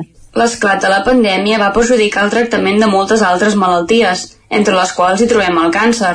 Herrera parla sobre la motivitat dels últims mesos i el retorn als carrers per recaptar fons per la investigació, després d'una temporada d'oficines tancades i contacte telemàtic. De seguida que van poder tornar a obrir portes i tenir contacte amb la gent, totes les juntes locals tenien moltes ganes de tornar a fer coses i reactivar-se. Tot i l'alegria de la tornada, Herrera també rememora les dificultats dels pacients durant la pandèmia. Penseu, va haver-hi uns mesos de la nostra vida en què tot era Covid. I és clar, la preocupació fonamental és que, és que uh, hi havia moltes proves uh, rutinàries de detecció precoç que no es podien portar a terme, perquè, és clar, ja sabeu que passava, no? Per anar als hospitals, doncs havies d'anar si no hi havia més remei, amb unes mascaretes, amb unes precaucions, els, els malalts havien d'anar pràcticament sols, no podia haver-hi companyia. I, esclar, ens preocupaven les deteccions tardanes dels càncers que d'altra manera es podien detectar de forma incipient, perquè això té unes repercussions preocupants pel que fa al diagnòstic i pel que fa als tractaments per resoldre o pal·liar els efectes negatius d'aquesta malaltia. I era la nostra principal preocupació, aquesta i la soledat de les persones que, que passaven per un tràngol d'aquesta mena, no? Perquè hi havia gent, sí que hi ha gent que està acompanyada de la seva família, però hi ha gent que està sola i es van trobar molt aïllats i això és el que més ens feia patir. La nostra gran preocupació era que, que ningú se sentís sol, que tothom sapigués que, que hi érem, a porta tancada, però hi eren. La presidenta assegura que, tot i les complicacions, la seva obsessió ha estat acompanyar els usuaris i els professionals de la sanitat de la comarca. Ara mateix tenen un munt d'iniciatives en marxa. Parlem de la Setmana Catalana contra el Càncer, doncs vam tenir les, les activitats a l'hora del menjar i del menjar fruita a les diferents escoles de, de tota la comarca per l'alumnat de, de P5. Bueno, infantil 5, abans era P5, ara és infantil 5. També hem reanudat totes les titelles que s'ofereixen a les escoles. Hem tingut curses solidàries, Negra Nit de Roda i Masies de Roda, la Nocturna de Viladrau, el Festival Solidari de Tona, els 5 quilòmetres, els 5 i 10 quilòmetres solidaris de Pur. Tenim el sopar, que forma part de la trobada anual divendres 25 de novembre, amb la conferència prèvia de la nostra psiconcòloga, dic la nostra perquè ens la sentim molt nostra, però és la psiconcòloga del Consorci Hospitalari de Vic, el sopar anual, un concert solidari 27 de novembre amb, amb l'Osto, amb els seus amors impossibles, que també és un concert solidari i va beneficiar benefici d'Osona contra el càncer. Participem de la sala oberta de les entitats que participen a la Fundació Girbau per poder ajudar-nos els uns als altres coordinats per la coordinadora del voluntariat d'Osona. És que és un no parar per ajudar la gent. Hem iniciat la marxa nòrdica per pacients oncològics, que tracta de fer grups trimestrals per pacients oncològics que surten cada dimecres al matí a fer una excursió d'una hora i mitja en plena natura per compartir nit i respirar aire pur i amb tots els beneficis físics i psicològics que això representa. Hem reiniciat el REI, també finançat per Osona contra el càncer, Xicun, a càrrec de la Neus Pintat, que és una voluntària que està al nostre costat de fa molts anys i que aporta uns beneficis extraordinaris amb aquestes teràpies, amb aquestes sessions terapèutiques, que és una, és una variant de la medicina tradicional xinesa i que aporta molts beneficis als usuaris oncològics. Assegura que totes aquestes activitats no serien possibles sense la labor dels voluntaris. L'estructura de l'entitat és 100% basada en el voluntariat, no hi ha ningú que cobri un sou, i la presidenta assegura que, tot i que ho fan amb molt de gust, moltes vegades és una pressió afegida. El més complicat és que la nostra peculiaritat és que som 100% voluntariat. I és clar, de vegades de fora no s'acaba d'entendre perquè pensem, bueno, hi ha una estructura potent dintre d'Osona contra el càncer, hi ha un, un, una gestió administrativa que es porta de manera molt rigorosa, hi ha una atenció telefònica, es porta un, una comptabilitat molt transparent, de fet nosaltres cada mes publiquem tots els nostres ingressos i totes les nostres despeses, i això es porta d'una manera molt professional i molt rigorosa, però és que tots els que ho fem són voluntaris. Mirem d'oferir una atenció molt professional 100% voluntaris. És que no, no, no hi ha ningú que cobri un sou dintre d'Osona contra el càncer. Per tant, això és una pressió afegida, tot i que és meravellós perquè tothom ho fa d'una manera voluntària i altruista, però és una pressió afegida perquè, clar, com som una associació sense ànim de lucre a declarada d'unitat pública, doncs hem de complir com si tinguéssim professionals treballant a sou perquè eh, la burocràcia és la mateixa, de rebre comptes com qualsevol associació o fundació. És un repte, és un repte tenir tothom molt ben atès, que tots els mesos contestin, que totes les trucades tinguin retorn i que totes les sol·licituds siguin ateses, però tot això ho fem des del voluntariat. Tot i que Osona contra el càncer ha esdevingut una entitat bastament coneguda i considerada a la comarca i arreu, la presidenta assegura que a vegades no és fàcil, una de les coses que més els reconforta és sentir que l'exigència del voluntariat és agraïda i saber que estan ajudant a molta gent. Jo crec que Osona contra el càncer és una entitat ben considerada dintre de la comarca, però jo penso que la gent no se'n fa la idea de vegades que, que som tots voluntaris. I és que és difícil, no? Perquè al cap i a la fi un voluntariat el fas perquè vols. Ningú pot estar obligat a fer un voluntariat. Per tant, des del moment que el fas, tu adquireixes un compromís, perquè si no ets capaç d'afrontar aquest repte, el més que no et posis, no ho has de fer perquè et sentis obligat a res. Per tant, tu adquireixes un compromís i el que sí que detectem que, que el nivell d'exigència o autoexigència que tenim nosaltres com a voluntaris és molt alt. I és clar, i s'agraeix molt quan la gent t'ho reconeix és molt d'agrair que et tingui algú i et tingui gràcies pel que feu, perquè et reconforta. Saber que ajudem la gent, saber que si nosaltres iniciem una campanya o col·laborem amb una campanya de prevenció, saber que, que, ostres, que després això té uns resultats positius i que això arriba a salvar vides o millorar la qualitat de vida de la gent que passa per un tràngol tan dolorós com és la malaltia del càncer, saber que quan fem les campanyes de titelles o fem un menja fruita, els nanos aprenen que, ostres, que menjar està té unes conseqüències positives que ho transmeten a casa i que posar-se crema i protegir-se del sol és beneficiós per la seva pell, que uh, fumar no és bo i ho poden explicar i, i, i agafar uns hàbits saludables, si ho aprens des de petit, tindràs aquests hàbits que et poden acompanyar tota la vida. Saber que, ostres, que amb l'atenció psicooncològica, el servei complet que ara es pot oferir a l'Hospital Universitari de Vic i a l'Hospital Universitari de la Santa Creu, Vic podem cobrir unes necessitats que abans no estaven cobertes al 100%, que podem acompanyar la gent, tenir una base voluntària també comporta que tots els ingressos es poden donar. La presidenta ens parla de la seva situació econòmica i dels orígens dels seus donatius. Els ingressos es treuen principalment de les quotes, de les quotes dels associats. Després tenim les campanyes que es fan als diferents municipis, el CAPES, els concerts, les filades, els sopars, els dinars, els berenars solidaris, les sessions de teatre, diferents activitats que es fan dintre de la comarca i que són a càrrec de les diferents juntes locals. Després també tenim preses i particulars que ens fan donacions eh, puntuals o específiques, depèn de quin sigui l'objectiu.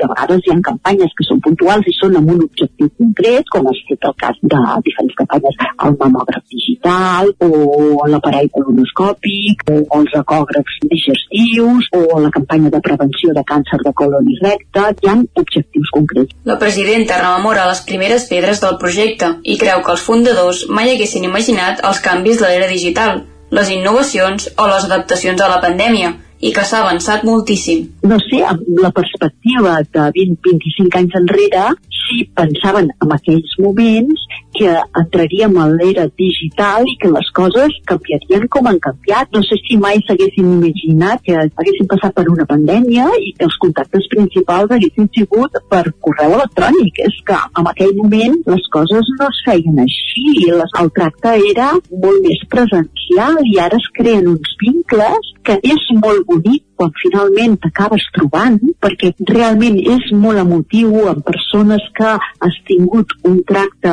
telemàtic, per dir-ho d'alguna manera, o telefònic, quan t'acabes trobant, tant sigui perquè el desenllaç ha sigut favorable, perquè el curs de la malaltia ha anat bé, com si el desenllaç ha sigut doncs, el que no volies que fos perquè hem arribat al final de la vida del pacient, però no deixa de ser molt emotiu i molt emocionant retrobar-se o trobar trobar-se per primera vegada de manera presencial, fins i tot de vegades fer-se una abraçada i sentir gràcies per haver-vos tingut al nostre costat. Herrera assegura que el futur ideal de les entitats com la seva és que desaparegui el càncer per deixar d'existir. Assegura que Osona contra el càncer faria una gran festa de celebració si arribés el dia en què no és necessària perquè s'ha trobat la solució a la malaltia. Des de Ràdio Vic els desitgem molta sort en el seu camí de lluita contra aquest gegant i evidentment tots ho celebraríem. Gràcies, Laura, una setmana més. Ara mateix passen pràcticament 3 minuts del punt de les 10. Territori 17.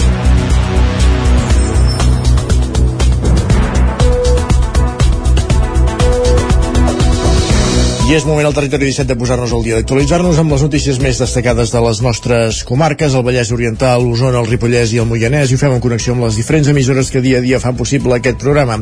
La veu de Sant Joan, Ona Codinenca, Ràdio Cardedeu, Ràdio Vic, el 9 FM, i ens podeu veure també a través del 9 TV, Twitch i YouTube. Us expliquem a aquesta hora que la gestió del torrent de la cabana de Can de Bànol presenta un dèficit de gairebé 6.000 euros. Isaac Muntades, la veu de Sant Joan. L'equip de govern de Junts per Can de Bànol va presentar públicament el balanç econòmic del torrent de la cabana d'aquesta anualitat al ple del passat dijous. Les xifres totals indiquen que el consistori ha tingut unes despeses de 193.000 euros, que han suposat un augment de 40.000 euros respecte al 2021. Els ingressos també han pujat en 12.000 euros en comparació a l'any passat i s'eleven fins als 187.000 euros. Això significa que la gestió de l'espai natural ha presentat un dèficit de gairebé 6.000 euros, unes pèrdues que es contraposen amb el 2021, en què es van produir guanys per un import de 21.000 euros. Les despeses de personal han pujat fins als 90.000 euros, però la pujada més forta va ser en les despeses ordinàries i manteniment, que han crescut fins als 88.000 euros, uns 30.000 més que el 2021. L'alcaldessa Dolors Costa va atribuir l'increment a la pujada del cost del servei de vigilància i de guardes rurals, que ha passat de 47.000 a 70.000 euros. Pel que fa a les despeses d'inversió, han augmentat fins als 15.000 euros. Les inversions consisteixen en la integració de les rutes de la xarxa itinerània, la nova pàgina web de reserves i la compra de bicicletes elèctriques. I això que no s'hi han imputat totes les inversions. Són les barbacoes, que són d'11.485 amb 32, unes barbacoes que vam fer noves, l'execució dels treballs de millora de la zona de lleure de la Font del Carol, que si hi ha un anat heu pogut veure que s'ha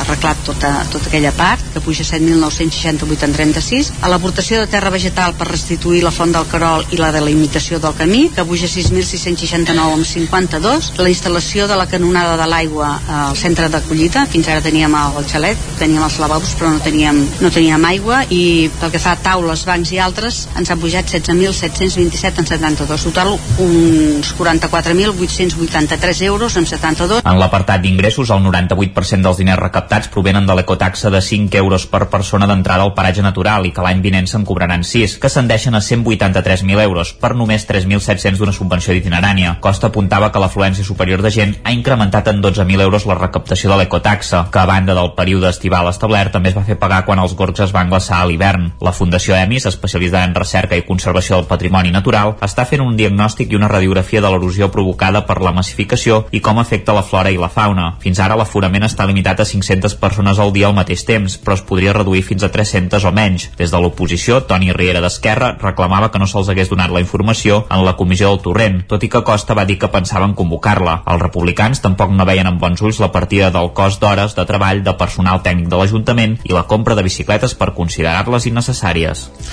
La farmacèutica veterinària d'Ibasa Farmavic ha estat reconeguda per la seva trajectòria en la 47a edició dels Premis Cambra Osona que es van lliurar dijous a l'Auditori Maria Vila de Badal de l'edifici El Sucre de Vic. Madeler Technical Diffusion, Victoria Dot, Golfon i Taula Dolça van ser la resta de guardonats Sergi Vives. Divasa Farmavic és una empresa familiar ubicada a Gurb que amb esperit innovador i avantguardista s'ha posicionat com a un referent en el món dels medicaments veterinaris. La Cambra d'Osona l'ha guardonat en, el, en la 47a edició dels Premis Cambra Osona que es van lliurar dijous a l'Auditori Marià Vila de Badal de l'edifici del Sucre de Vic. La Cambra l'ha guardonat en l'àmbit de la trajectòria empresarial per ser un referent capdalt en el món farmacèutic animal, a més de ser una empresa compromesa amb la seva responsabilitat social que fomenta la integració social i treballa per millorar el canvi climàtic. De fet, per intentar es va subratllar en el seu últim discurs el dia de la cambra com a president comarcal, ja que no optarà a repetir en les properes eleccions que cal que els sectors econòmics reenfoquin de forma gradual els seus models de negoci cap a la sostenibilitat. Hem d'enfocar l'economia i sobretot accelerar la transició energètica. Com a exemple, poso de temes que l'administració ens hauria d'acompanyar són les traves administratives i sobretot per temes urbanístics per poder implantar energies renovables, que tan necessàries són per fer la transició energètica. La transició energètica o la fem o ens la faran. Entendes també anunciava que es presentarà durant el primer semestre de 2023 el projecte de Parc Tecnològic, una futura ciutat empresarial verda d'Osona que portarà per nom AUSA. És una ciutat empresarial verda, on s'hi ubicarà un parc, un parc logístic, on s'hi ubicaran empreses verdes, on s'hi ubicarà la futura estació de mercaderies comarcal, on s'hi ubicarà també tot un seguit de serveis empresarials, on s'hi ubicaran algun centre de dades potent i d'altres eh, altres necessitats que surtin. Els altres guanyadors dels Premis Càmera Osona van ser Medelair Technical Diffusion de Centelles com a empresa industrial per la seva dinamització per, de l'economia industrial d'Osona, Victoria Dot com a dona empresària pel seu lideratge a l'empresa Nordlockway de Manlleu, GoFon com a empresa tecnològica per la seva contribució a la connectivitat territorial i Taula Dolça com a joves creadors per la seva contribució en l'impuls de la gastronomia al territori. Antoni Olaia és el nou representant del Partit Popular a l'Ajuntament de Caldes de Montbui, que era el campàs, Ona Codinenca. El plenari de Caldes de Montbui compta amb un nou representant del Partit Popular, Antonio Olaya, en substitució de Montserrat Romano, que va morir fa unes setmanes. Olaya va rebre la benvinguda de l'alcalde que li va lliurar el PIN de regidor. Aquestes van ser les seves primeres paraules com a membre del ple municipal. Reconocer precisamente la labor de Monse Romano, que durante tantos años ha estado aquí eh, compartiendo y defendiendo una, una, la ideología y evidentemente pues eh, realmente pues esto es importantísimo ¿no? Y, y bueno, yo particularmente pues mm, participar dentro de lo que pueda participar en aquello que realmente sea positivo para lo que es eh, Caldás. En aquest mateix ple es va aprovar l'impuls del nou servei d'atenció a l'entorn domiciliari adreçat a prestar suport a persones o famílies en situació de manca d'autonomia personal, dificultats de desenvolupament o amb problemàtiques familiars especials. Sentim el regidor de Serveis Socials, Pep Busquets. L'Ajuntament presta diferents serveis i programes destinats a la gent gran i a les persones en situació de, de dependència. Per exemple, el servei d'atenció a domicili, el SAT, el teleassistència, tenim el servei d'àpats a domicili i menjador social i també el programa d'arranjaments d'habitatges per, per a la gent gran. Cada servei d'aquests té el seu, les seves prestacions i el seu reglament. Vam decidir, de, de ja que afectava a un únic col·lectiu, que és el, el col·lectiu de, de la gent gran, com he dit abans, doncs unificar-ho en, en un únic reglament eh, ja vam començar a treballar amb aquest reglament, que ja vam passar fa uns mesos per, per ple municipal, i per continuar eh, amb el procediment administratiu cal eh, crear aquest, aquest servei que es diu el Servei d'Atenció a l'Entorn Domiciliari, domiciliari que farà de paraigües de tots aquests serveis que us he comentat abans. El plenari d'aquest dijous va aprovar la creació d'una comissió de treball per desenvolupar aquest servei. I la sala serà s'omple a Cardedeu per celebrar la quarta Assemblea Ciutadana. Pol Grau, Ràdio Televisió Cardedeu. La quarta Assemblea Ciutadana es va celebrar aquest dissabte 26 de novembre a la Sala Sarau, on es va omplir la gent del poble durant tot el matí. En aquesta, es feia un pacte municipal per a millorar l'ús del social del català. Un acte on la gent que hi va assistir va poder escoltar una xerrada relacionada amb la millora de l'ús del social del català, a més de fer una activitat amb l'acompanyament d'un pica-pica. També es va fer incapeu amb la Plataforma per la Llengua, una ONG pel català. Aquesta es dedica a fer accions i activitats per fomentar l'idioma, ja sigui el comerç, el lleure, el govern, empreses, etc. Sempre que hi hagi un lloc on es podria fer més pel català, la plataforma hi acudeix. Molt bé, la xerrada, el que ens van proposar des de l'Ajuntament és que ells volien, han, han aprovat una moció a favor del català i, ens voli, i volien poder parlar amb els veïns de, de Cardedeu per mirar de dir, està molt bé dir que fomentarem el català, però mirar de dir, però què fem, què podem fer? I llavors doncs, van contactar amb diverses persones o entitats, una d'elles la Plataforma per la Llengua, perquè vinguéssim a explicar quines coses es poden fer en un municipi com Cardedeu per fomentar el català d'una manera doncs, que funcioni, d'una manera efectiva. Llavors el que la plataforma que hem vingut a, a presentar és sobretot què es pot fer tant des d'un ajuntament com què es pot fer? Doncs, cada ciutadà, com si fos una formigueta que pot fer cada ciutadà per, per ajudar en aquesta, en aquesta causa? I hem intentat donar doncs, idees però sobretot experiències que ja s'han fet doncs, a Girona, a Reus, a Palma a Vic, a, a molts llocs a Sal, a molts, molts llocs diferents perquè així el, tot, tot aquest grup de ciutadans que tenim aquí, que són, són bastants doncs puguin anar arreglant idees i poder després eh, posar-les sobre un paper i dir, ostres, doncs tot això que hem après avui a Cardedeu m'agradaria que es fes això, això i això i a veure si així s'aconsegueix avançar també es va parlar que hi ha uns qüestionaris des de Plataforma per la Llengua o bé el Departament de Consum de la Generalitat on es poden ficar queixes o parlar-ne de qualsevol discriminació lingüística que hagin patit. Per finalitzar, se'ls va proposar fer una activitat on s'havien de buscar solucions per a millorar tots aquests problemes que no ajuden a tirar endavant amb la llengua. Gràcies, Pol. Passa, falten dos minuts i mig perquè sigui un quart d'onze i el que fem ara tot seguit, després de repassar les notícies més destacades de les nostres comarques, és conèixer la previsió del temps.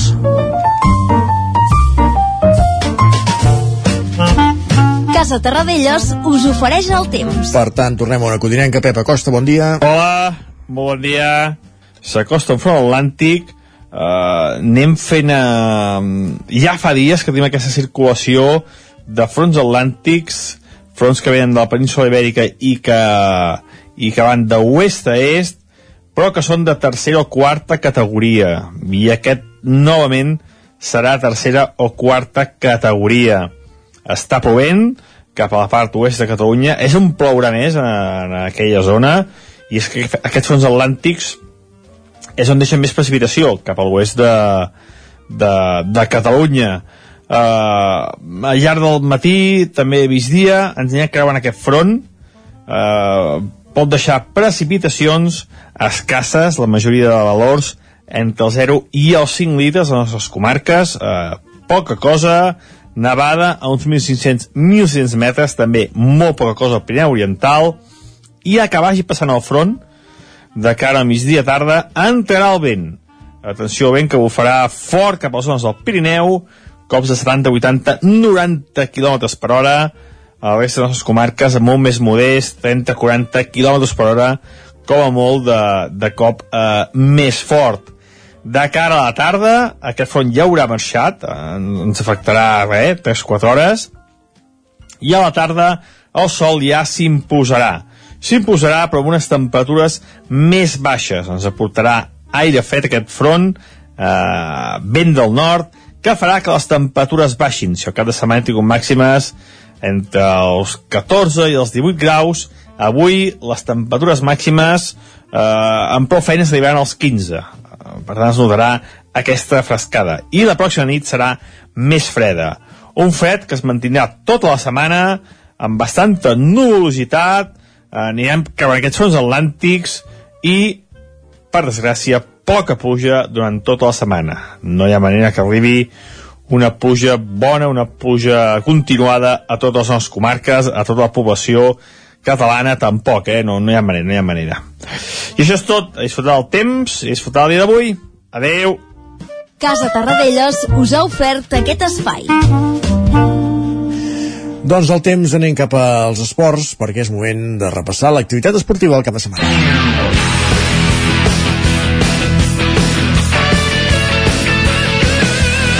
Un quart i mig minut d'11 del matí al Territori 17 parlem d'esports, ho fem amb roda amb les diferents emissores del Territori 17 i comencem connectant amb Ràdio i Televisió Cardedeu. Allà ens hi espera un cop més en Pol Grau, benvingut de nou Pol. Hola Com ha anat el Bon cap de dia. setmana esportivament parlant?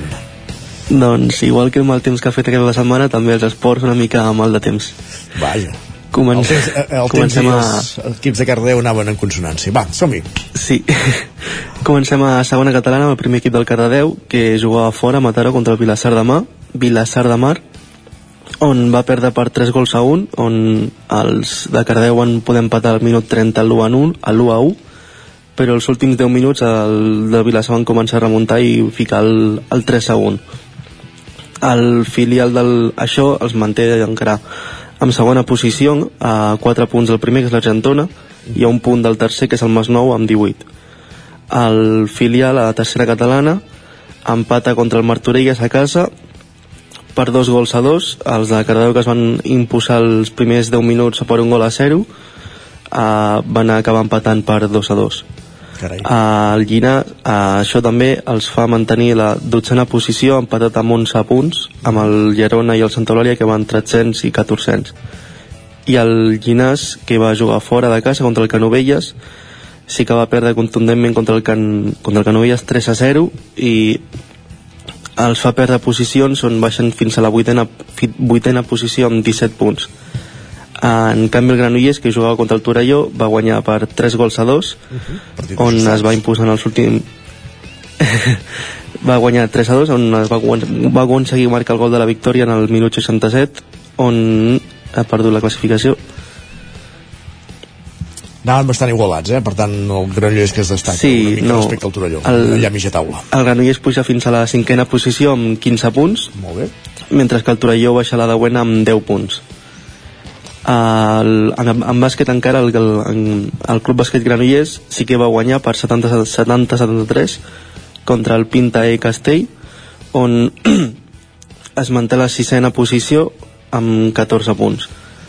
El Llinàs també aconsegueix la seva segona victòria consecutiva contra el Sant Celoni per 72 a 60 a 61 i a la Lliga Sobal el Franklin Granollers no para de guanyar aconsegueix la seva quincena victòria de la temporada sí. guanyant per, 30, per 36 a 31 contra el Frigoríficos del Morrazo on segueix, segueix segona a la classificació en solitari on el primer és el Barça Molt bé. i el, el femení, el, acabem el femení del Granollers, el CAC 7 on també va perdre davant del Balonmano Elche per 17 a 26 i les fa mantenir-se a la penúltima posició empatats a un punt contra el Grafomet a la Rioja. Perfecte, Pol, moltíssimes gràcies. Fins ara. Fins ara, adéu. Bon. Continuem, avancem, anem fins a una codinenca, allà ens espera un dia més la Caral Campàs. Caral. Doncs començo pel futbol a primera catalana, al grup 1 els calderins van ser derrotats pel Lloret en un partit que va acabar 3-2 i el Caldes se situa així en fase de descens després d'encadenar dues derrotes seguides. I a tercera catalana, el grup 5, el Vigas va guanyar el seu segon partit de la temporada davant el Centelles amb un marcador que va acabar 2 a 1 després de la seva primera victòria del Vigas fa dues jornades davant el Roda de Ter. El Mollà, encara en aquest grup 5 de tercera, no para de guanyar i va tornar a demostrar el seu nivell aquest cap de setmana davant l'Aigua Freda 3-1 els de la capital del Moianès gairebé imbatibles, havent perdut només davant l'Olímpic La Garriga, el seu perseguidor i el Sant Feliu de Codines va ser derrotat pel Fulgaroles en un maig que va acabar 1 a 2. I encara tercera, però el grup 7, el Caldés va tancar un marcador 0 a 0 amb l'Alt Berguedà amb moltes targetes grogues i molts canvis. I me'n vaig a l'hoquei, aquí val a dir que tenim molts gols, els equips que tenim a les diferents competicions. A primera divisió, a l'hoquei Lliga, el Caldes Arenys va ser un partit ajustat que inicialment semblava fàcil pels calderins davant el penúltim classificat va acabar amb victòria d'Alcaldes per 7 a 6. Alcaldes és setè amb 14 punts. I les noies del Vigas també van fer 7 gols davant el Lleidanet amb un marcador que va acabar 7 a 3, per tant, golejada de les de Vigas i Riells del FAI que es refermen a la classificació. I a segona, àmplia derrota dels codinencs davant el Ribes Les Lagunes en un partit corresponent a la jornada 6 va ser una derrota de les que fan mal eh, del Sant Feliu a la pista del líder que deixa els codinencs enfonsats a la classificació en un partit que va acabar 9 a 1. Doncs com dius, una de les derrotes que fa mal gràcies, Caral. Continuem aquest recorregut a la veu de Sant Joan per conèixer els resultats dels equips del Ripollès. Isaac Montades, bon dia. Bon dia. Doncs mireu, comencem parlant de, de futbol al grup 18 de la tercera catalana en què la Badesenc segueix imparable i va golejar el Comacross per 4-0 en un partit que també es va aprofitar per homenatjar Manel Pajares abans de, del maig, un mite també de l'entitat Sant Joanina i que desgraciadament pateix la malaltia de l'ELA i els Sant Joanins li van dedicar la victòria amb dos gols de, de Sofian, un de cap i un de fora l'àrea Uh, Dani Nico en els primers minuts del segon temps van sentenciar el maig i el marcador ja no es va moure més, per tant la Badesenc segueix líder amb 26 punts. El Candano per la seva banda setem 18 després de superar el Sant Pons en un partit uh, boig en què Uri Pérez va marcar un golaç a l'escaire només començar, Agulló va empatar, Maideu va tornar a avançar els locals abans del descans, Mas Ferrer i Romagós van capgirar el marcador a la segona part, però dos gols d'Anguita en els últims 20 minuts, un d'ells a l'últim minut, doncs va donar el triomf als locals. En canvi, el Camprodon no aixeca cap i va empatar una casa contra les preses i segueix novè amb 15 punts. Els gols van arribar al tram final del partit. Marc avançava les preses al 86 i l'Atgi empatava a l'últim minut amb un xut creuat. I a la Lliga Nacional Catalana d'Hockey Patins, l'Hockey Club Ripoll va empatar 5 a la pista del Noi en un partit trepidant i d'alt voltatge. De fet, el descans hi va arribar amb empat a 2. A la segona part, doncs, cada equip va fer 3 gols i els, de, els gols dels ripollesos van ser eh, de Jaume Solà, Oriol i Vidal per partida doble i els ripollesos són ara mateix quarts de la classificació amb 11 punts i ja doncs, van començar la segona volta del, del campionat amb aquest eh, primer partit. Uh, I per acabar, la primera nacional de futbol sala, l'escola de futbol Ripoll Servicat va empatar 4 contra l'Argentona a casa en un partit que se li va posar molt complicat perquè els visitants van anar dominant el descans per un gol a 3 però els ripollesos primer van aconseguir empatar 3 i després a 4 quan l'Argentona s'havia tornat avançant el marcador amb gols de Moja Rivera i un doblet de Pere Cortacans. Ara mateix els ripollesos són vuitens al Lliga eh, amb 12 punts. Gràcies, Isaac. Fins ara mateix. Fins ara, adeu i acabem aquest recorregut als estudis del 9FM una setmana més amb l'Ester Rovira per conèixer els resultats dels equips usonencs. Bon dia. Bon dia. Doncs, si us sembla, comencem amb, amb hoquei i a l'hoquei Lliga, on ahir la tarda eh, el Voltregà visitava la pista del Lleida. Va perdre. Eh, va perdre per 5 a 3, sí, en un partit on va anar molts minuts per davant en el marcador, uh -huh. eh, però la reacció local va arribar als últims minuts eh, amb un Voltregà que ja estava molt fluix de forces perquè recordem que té la baixa de, de Didac Alonso i una banqueta més àmplia eh, del conjunt de la terra ferma li va eh, permetre eh, doncs aconseguir aquests gols al tram final per, per acabar emportant-se la, la victòria i deixar el Voltregà eh, doncs igualment en novena posició amb 9 punts eh, com, com tenia. Eh, en el cas de l'Hockey Lliga Plata l'interès estava posat eh, en aquest derbi que hi haurà aquesta temporada usonenca, de fet serà l'únic a les lligues sí. estatals d'hoquei, eh, com que el Voltregà és l'únic a eh, l'Hockey Lliga i a l'Hockey Lliga Plata el Taradell ha quedat eh, enquadrat al grup nord, l'únic derbi és el grup sud i és aquest eh, Manlleu-Vic o Vic-Manlleu eh, a la tornada. Eh, i el partit eh, doncs eh, va tenir dues parts diferenciades una primera de més control del Vic una segona de moltes ocasions i insistència del Manlleu però ho podríem resumir com que l'experiència es va imposar a la joventut. Recordem que el Manlleu ja era un equip molt jove la temporada passada. Li van plegar tots els jugadors per marxar equips d'hoquei Lliga no aconseguir la salvació i ara encara és més jove del que ja era. Eh, i, i això sumat doncs, a, a que està patint un problema de falta de gol que eh, l'equip es posa nerviós als metres finals perquè no li acaben de, de sortir les coses doncs va fer que, que el Patí Vic s'imposés per, per 0 a 3 amb gols de Pol Mestres, Albert Grau i Gerard Rovira de, de falta directa. Uh, ara mateix a la, a la classificació el Patí Vic és 6è amb 8 punts i el Manlleu uh, és desè amb 3 però recordem que té partits pendents que no havia jugat al principi de temporada perquè tenia jugadors al Mundial Sub-19 i en el cas del que dèiem de l'altre equip usoner que està al grup nord de l'hoquei Lliga Plata el Taradell eh, va aconseguir una gran victòria a casa contra el Mataró per 4 a 3 i això el permet eh, situar-se primer a la classificació empatat de punts justament amb el, amb el Mataró 15 tots dos però els taradellencs primers a, a la taula. En el cas de l'hoquei Lliga Femenina aquest cap de setmana duel d'alt voltatge eh, el pavelló de Manlleu entre les locals i el Vilassana un altre dels equips de la part alta de la classificació i el Manlleu es va quedar molt a prop davant d'un equip eh, doncs això que dèiem, eh, molt potent i que té ganes de títols des de fa ja unes temporades 2 a 3 resultat eh, final.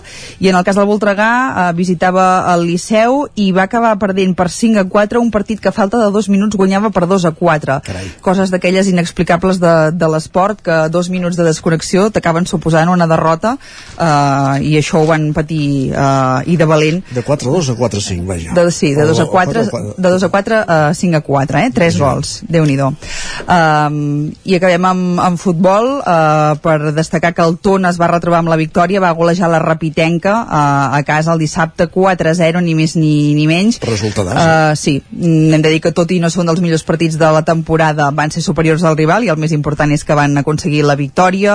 Un Tona que és novè a la taula amb 16 uh, punts. I en el cas de la primera catalana on tenim els altres tres conjunts uh, usonencs uh, dir que el Manlleu, uh, la notícia és aquesta va aconseguir la primera victòria a domicili uh, va superar el, el Parets amb gols del Zina i Omar 0 a 2 uh, i en el cas dels altres dos uh, conjunts derrota uh, el Vic va perdre a casa per 0 a 1 contra el Figueres un Figueres que hem, que, se, uh, que hem de dir que se'n va endur massa premi i el Torelló d'altra banda va desaparèixer a la segona part i va perdre el camp del Granollers per, per 3 a 2 Nacional i acabem, femenina? uh, sí, acabem amb dos apunts més a Nacional Femenina per destacar un altre triomf i porteria 0 uh, en aquest cas 2 a 0 a casa amb el Collerense de les Bigatanes que continuen sisenes a la, a la classificació i un altre per dir que el bàsquet Vic també es van portar un duel directe i a la tarda a la pista del Castelldefels 54 a 69 i es mantenen segons a la classificació empatat de punts amb, amb el Mallorca que és el líder Perfecte, Esther, moltes gràcies. que vagi molt bé El nou FM, la ràdio de casa, al 92.8. Arriba el Nadal i a l'Hiperbasar Liu ho trobaràs tot i a preus de fàbrica. Vine a conèixer la nova botiga Hiperbasar, la més gran de tot Vic. Ens trobaràs al carrer Torelló, 18 de Vic, al costat del Supeco, i al telèfon 672 62 15 33. Busques un espai ideal per fer trobades? A la Casa d'Espiritualitat Marc Castanyer dels Hostalets de Balanyà hi trobaràs espais ideals perquè a les escoles hi facin sortides o per fer-hi retirs o recessos entre setmana. Hi podreu fer nit o bé llogar-ho per un dia lectiu. Disposem de 33 habitacions, cuina de proximitat, sala d'actes amb projector, grans jardins i altres espais. En definitiva, un espai idoni per a grups escolars. Casa d'Espiritualitat Marc Castanyer. Més informació al 646 11 31 40. Perill de glaçades? Per evitar problemes a les instal·lacions d'aigua en cas de glaçades, Aigües Vic recomana que es prenguin les mesures adients, protegint-les amb els materials adequats. Aigües Vic recomana la protecció amb Porexpan o amb altres materials aïllants, però sempre fàcils de posar i treure per facilitar la lectura del comptador. Per a més informació truqueu al 93 885 2500 o entreu a aigüesvic.com. Als teus fills els agrada la tecnologia? Apunta'ls a Codelern, l'extraescolar de programació i robòtica que els ajudarà a preparar-se per al futur i a ser creadors de tecnologia. Gràcies al mètode Codelern, cada alumne aprèn al seu ritme i pot començar quan vulgui. Us esperem a la Ronda Francesc Camprodon número 45 de Vic. Més informació a codelern.cat. Has esperat que arribi el fred per comprovar si et funciona bé la caldera? No pateixis, a Casa Jové som especialistes en manteniment, reparació i revisió d'equips d'aigua calenta i calefacció, tant en l'ambient domèstic com industrial. Si tens una avaria, no ho dubtis. Som Casa Jové. Ens trobaràs al carrer Girona, número 9 de Vic, i al telèfon 93 886 1596. Casa Jové, el teu servei tècnic de confiança. Bon dia, són les 9 al Territori 17. La Miquel Parella. Cada matí i durant dues hores t'acompanyem i et posem al dia de l'actualitat de casa nostra. Potenciant així l'autonomia En aquest cas me la fes el teler si no... Cursos per feminitzar el pensament masculí.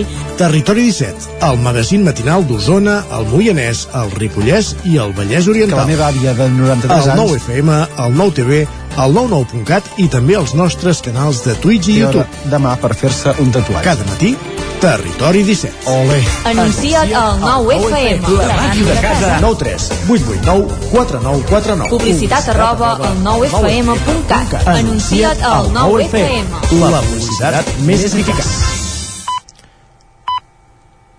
En punt ara mateix, dos quarts d'onze.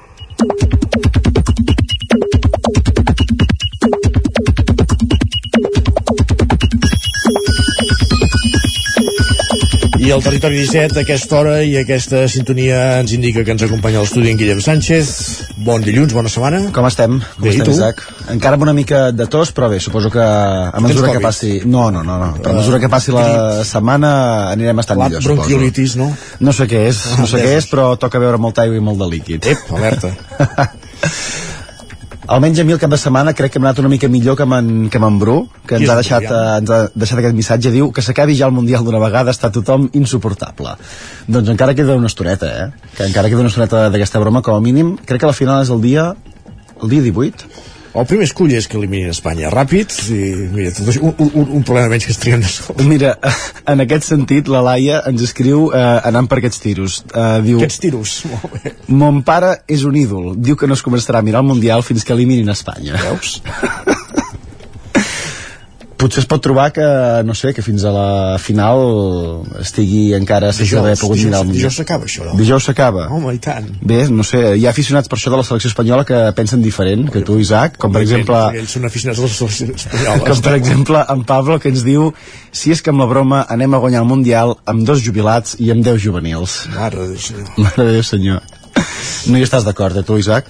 El Tu dius que fins, que fins dijous, eh? Que ha els que haurien d'estar jubilats, sí. Que- Però, però per jugar amb la selecció que juguin el que vulguin. No? amb la- amb la de petanca. jubilats amb el seu equip. Però amb, vaja. amb la de petanca. L'Andrea per això fa una petició també ens demana estaria molt bé si el Mundial no caigués en època d'exàmens. És que no ens està mai res bé, que qualsevol Mai. cosa coincideix amb, amb, amb, amb, amb exàmens, amb estudis, amb sortides, amb trobades o amb el que faci falta. I en Jordi ens aporta una altra reflexió també interessant, diu veig més tuits per boicotejar el Gran Recapte i la Marató de TV3 que no pas per boicotejar el Mundial de Qatar. Diu, feu-vos-ho mirar una miqueta bé. Home, Aquest debat em sembla... eh? Que els tuits que hi ha per boicotejar una cosa i altra, sí, és cert. Però bé, em sembla que aquest debat el tindrem fins, a, fins com a mínim el dia, el dia 18, el dia de la, de la final. Molt bé. Però com dèiem divendres passat hi ha vida més enllà del futbol i coses tan mundanes com la que ens recorda l'Elisenda. Tu no sé si l'has llegit, el fil que ens, ha, que ens ha obert. Obre, tira. Diu, fa uns dies que la rentadora perdia aigua. Quin contratemps. Bueno, ja ens ho mirarem perquè no era gran cosa ni tampoc ho feia sempre. Avui ha centrifugat tant que me l'he trobada 5 centímetres endavant. El que ha passat després no t'ho imagines. Va, apostes, Isaac. Què... Un vessal. Un vessal, però, però per què? O què s'ha què s'ha trobat per allà, per allà al mig? Va. No sé, que ha tirat tant endavant la rentadora que s'ha des, que s'ha desendollat de l'aixeta i... No anem per aquí, no? no. Doncs es veu que va aparèixer un ratolí a Ah. casa perquè estava dintre de la rentadora i segons eh, li van informar des de l'Ajuntament i des del 112, que es veu que pots trucar al 112 també perquè et vinguin a ajudar si trobes un ratolí, tot i que llavors no venen a casa, es veu que potser hi ha alguna cosa més on hi ha uns quants més, hi ha una família més per allà, per allà dintre. El que va acabar, el que va acabar fent la, la Elisenda és eh, trucant una empresa de control de, de plagues sí. que li va dir el següent, diu que si vens ara a treure la bèstia em cobra 600 euros més IVA. Després em diu que si ve demà haurà de treure la, haurà de treure la rentadora, mira quants individus hi ha i posar trampes a tots els armaris i segellar l'entrada de les cuques, però que demà serà més barat perquè no és diumenge, per tant, 200 euros menys. Ara imagina, amiga meva, que això li passa a una persona gran que viu sola i no pot trobar una solució ni molt menys pagar-la. Home, doncs és un bon ensurt. És un bon ensurt. No, no sé què, què prefereixo, si trobar-me un ratolí a casa o que em diguin que em cobren 600 euros més IVA per venir a, a treure-me'ls i... Cap de les dues coses és, és agradable, sens dubte. Doncs això, esperem que no repeteixi. I no sé si ja sents, Isaac, la, la flaire del, del mercat medieval.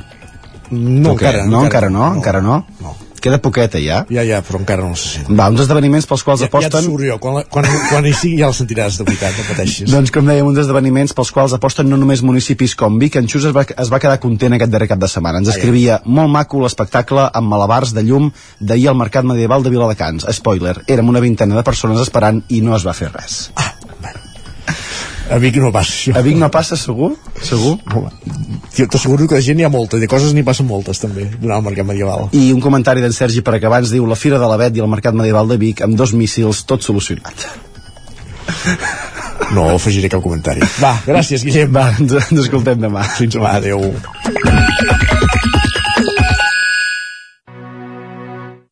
Territori 17.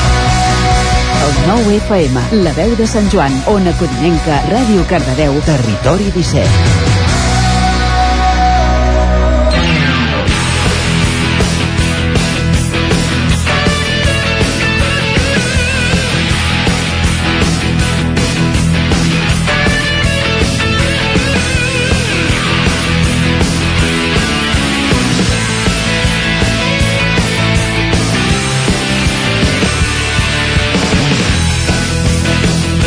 Doncs, quan passen 5 minuts de dos quarts d'onze és temps pels esports, temps per la tertúlia esportiva al territori 17, com cada dilluns, i aquests dies que no tenim lliga i que anem parlant de, del Mundial amb notícies d'última hora d'actualitat com aquest empat d'ahir entre la selecció espanyola i l'Alemanya un a un.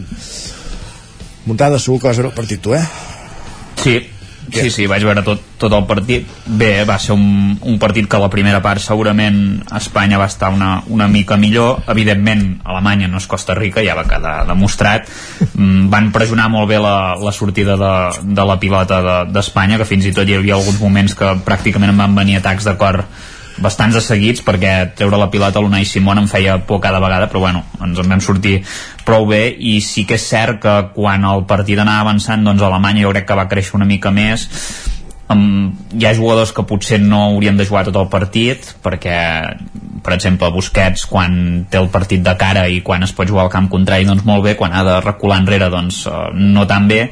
I llavors doncs sí que Pedri se'l va notar cansat. Gavi havia de fer per tots dos, diguéssim, perquè sí que el trobo que és un jugador molt hiperactiu que realment funciona molt bé al mig del camp, tot i que a vegades va una mica passat uh, de voltes i em va sorprendre una mica que no, no jugui en Sofati, que en dos partits no ha jugat cap minut i ahir era un partit que segurament els últims minuts amb el plantejament que va fer Luis Enrique que va ser, bueno, primer va posar Morata que li va sortir bé i va fer el gol i després el, segurament el plantejament era bo però els jugadors no els van encertar perquè volia Coque de contenció i Nico Williams per matar el partit al, al- contraatac i no i hauria de posar tant Sofati per mi perquè si no està per jugar 20 minuts no sé per què ha vingut al, al Mundial. I a part d'això mm, sorpreses agradables com Rodri i Laporte de parella de centrals que, que penso que és tot un encert i, i empat just, jo crec i Espanya es classificarà Isaac Montades, Agustí Danés, Lluís de Planell eh, qui més va veure el partit? jo també el vaig veure i penso que al final eh, l'important en aquests partits i, i tenint en compte ja el que hi havia en joc encara que sigui la fase de grups per part d'Alemanya era tot eh, l'únic transcendent a banda de totes aquestes disquisicions que ha fet tàctiques que ha fet l'Isaac de futbol és el resultat vull dir que amb l'1-0 Espanya ja estava classificada amb l'1-1 No. amb, sí, sí, No amb- estava classificada. amb, amb l'1-0 estava classificada i amb l'1-1 mm. també està classificada no Vull estava classificada amb l'1-0 No, estava classificada i amb l'1-1 també està classificada vull dir que al final eh, el, el, això és, és, és l'únic que acaba important sí que jo, a banda de, de tots els temes aquests tàctics, sí que crec que eh, amb aquest tipus de partits en què, en què t'hi jugues molt, en què hi ha, hi, ha, hi ha tensió més per part d'Alemanya que per part d'Espanya perquè, perquè ja haurien pogut quedar fora no? eh, és important a veure quin, quin, quina és la incidència de, dels entrenadors. I, i això a vegades surt bé i a vegades surt malament. I ahir crec que va sortir malament. Que Luis Enrique en els dos canvis aquests que va fer principalment el d'en Williams i també el d'en Valde pel moment en què es va produir va sortir en Valde i va arribar al gol. No perquè ell, no, no, no perquè ell tingués cap errada en la jugada però faltant 7 o 8 minuts eh, i tal com anava el partit no sé si era el canvi procedent perquè és una posició aquesta, la de lateral esquerra que, que tampoc és transcendent en el, en el joc però diu que en, en Jordi Alba tenia molèsties d'acord, això doncs si, si, si era aquest el, el tema de fet es van donar trompada una mica però com que sempre se sol revolcar molt no, sí. uh, no saps fins a quin punt no però veu, diu, raó, no? eh, viu el diari avui eh, vull dir, no, no, però jo, jo crec que ahir, com a vegades passa al revés, no? que, que l'entrenador pot canviar el partit, jo ahir crec que amb els canvis el van pitjorar crec que el van pitjorar però el de Morata va sortir bé esclar. sí, el de Morata, sí. el de Morata va sortir no. perfecte amb aquests do, els dos últims canvis em refereixo eh? el de Williams, sí. principalment el de Williams els, ca els canvis la va, la va vessar i és el que dic jo, que segurament altres jugadors fent el mateix plantejament li haguessin sortit millor. Ansu Fati o Jeremy Pino és igual. I al mig del camp sí que era més complicat perquè bé, al mig del camp hauria d'haver sortit Canales que no està convocat. Per exemple. Per Coque, perquè Coque ara mateix no, no, no sé què hi fa la selecció no està en un bon moment. O Darder. O Darder, és igual, sí, qualsevol qualsevol, sí, Dar potser Darder no està al nivell de Canales però, però déu nhi també la temporada que està fent. Qualsevol ho hagués fet millor que, que Coque que no tens confiança en el Japó, Isaac? Com que deies, no, encara no estem classificats, com l'Agustí deia que sí. No, és que Espanya no està classificada matemàticament. No, matemàticament és evident que no, però l'Agustí ve dir que és sí. que l'Agustí diu que amb 6 punts, no, amb 6 punts tampoc, perquè hi podria haver triples empats a 6, el que passa és que té molts gols a favor, però si es produïssin golejades ex estranyes i coses molt rares, podria quedar eliminada. I evidentment, si perd amb Japó i Costa Rica guanya, doncs Espanya queda eliminada, per exemple tot, tot i que jo penso que evidentment amb un empat amb Espanya contra el Japó. Sí, sí, sí, no, jo crec que Espanya mm, com a mínim empatarà amb el Japó i si empata suposo que Alemanya sí que guanyarà Costa Rica. Llavors el que passa és que estava, esta, hauria estat bé guanyar el partit per, el, per deixar Alemanya molt tocada perquè l'últim partit d'Alemanya sí que hauria d'haver golejat per, per intentar-se classificar i, de, i dependre d'Espanya. I, i el que passa és que quedar primer d'aquest grup és una mica perillós també perquè en els quarts de final si la lògica s'imposa et podria tocar a Brasil uh, llavors ara quedar segon no ho sé Uh, tampoc em fa gràcia trobar-me amb, amb el Marroc ara mateix, per exemple, que està molt bé.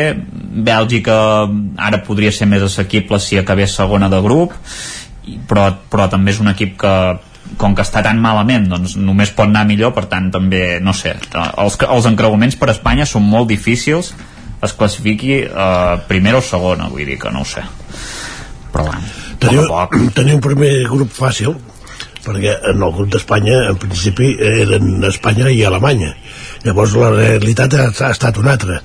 Però en principi eren, eren aquests dos i, i, i s'havien de fer entre ells diguem i aviam qui quedava primer.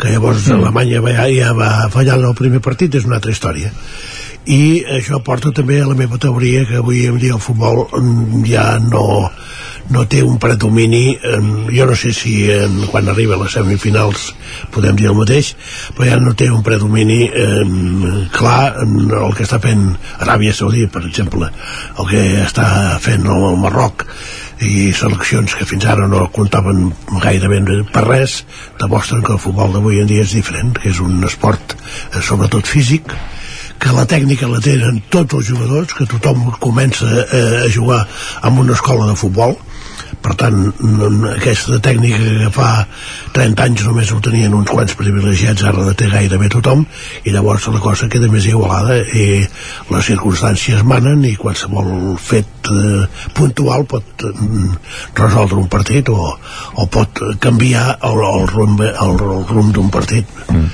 aquest és un aspecte important. No sé si ho vam comentar la setmana passada. Jo crec que estic d'acord eh, amb aquesta tesi que que el futbol cada vegada està més igualat perquè la, la qüestió física impera molt perquè tàcticament el, el, els equips doncs, estan més treballats estan més preparats i això tendeix a eh, la combinació d'aquests dos factors de la preparació tàctica i de la preparació física tendeix a, a, a igualar a igualar els equips igualar el futbol. I després amb, això que jo crec que, que també és molt interessant. I, i en un mundial en què hi ha, lògicament no, futbolistes d'orígens molt diferents crec que és, que és molt interessant el, el tema aquest de dir avui hi ha bons jugadors. Jo crec que a diferència del que passava com deies 30 anys enrere quan, quan el futbol s'aprenia a jugar-hi ara no s'aprèn, ara s'ensenya. Llavors com que s'ensenya i es fa amb uns patrons similars a tot arreu tots els futbolistes són iguals no?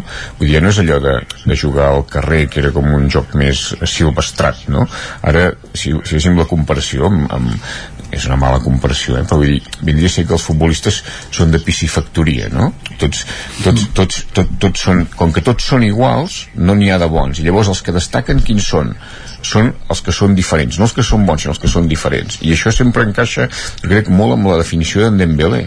En Dembélé és bo, en Dembélé no, Dembélé no és bo, però és diferent perquè, no, perquè els jugadors tots o, o són dretans o són esquerrans i aquest és dretà i és esquerrà i com que té aquestes habilitats que el fan diferent, jo crec que això és el que li dona un, un, un plus i, un, i llavors hi han els top potser sí, vale, Messi, no sé qui, però aquests n'hi han tres. Però la resta de jugadors, eh, tots són molt iguals i els bons no és, que, els, no és que siguin bons, és que són diferents. Aquesta diferència crec que és important. La punta de velocitat, qui fa els 100 metres una mica més de, ràpid, doncs també té aquella punta de velocitat que serveix per, per eh, superar eh, marcatges, etc.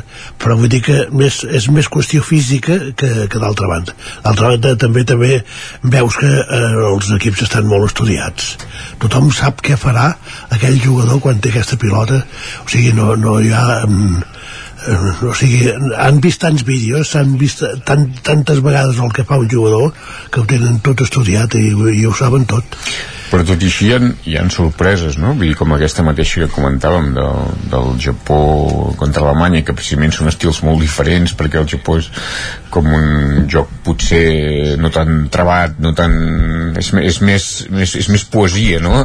no és, Alemanya és prosa no? Alemanya és eh, amb, amb, amb tot no? Vull dir que penso que aquest, cara, aquest caràcter germànic també s'impregna en el futbol no? en canvi eh, bueno, el Japó també és clar, hi ha, hi ha disciplina eh, però, però és un joc com més, com més alegre, més imprevisible, no? Vull dir, I això fa que de la mateixa manera que van aixecar el, el resultat contra Alemanya fa que puguin perdre contra Costa Rica no? però, però és una part de la gràcia no?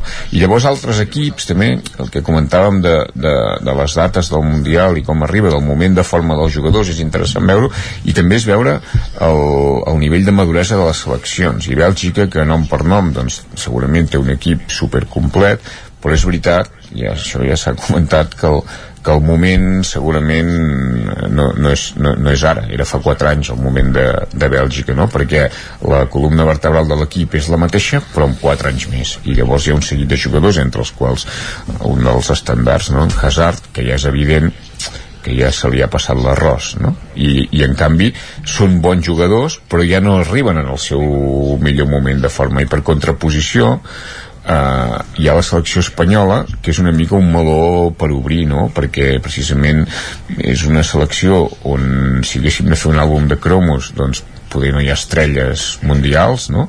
molt, molt, molt plural quan a, quan a l'origen no? I, havia, i van acabar i molt joves que, que això crec que és un avantatge no? per això dic d'un meló per obrir però hi, hi havia jugadors del City del, del, del Bilbao, del Barça, del, del Madrid, no? de l'ètic de Madrid, era una selecció eh, més, més diferent, llavors, eh, bueno, jo es- està bé jo no li auguro eh, grans èxits però, però competiran competeixen, competiran.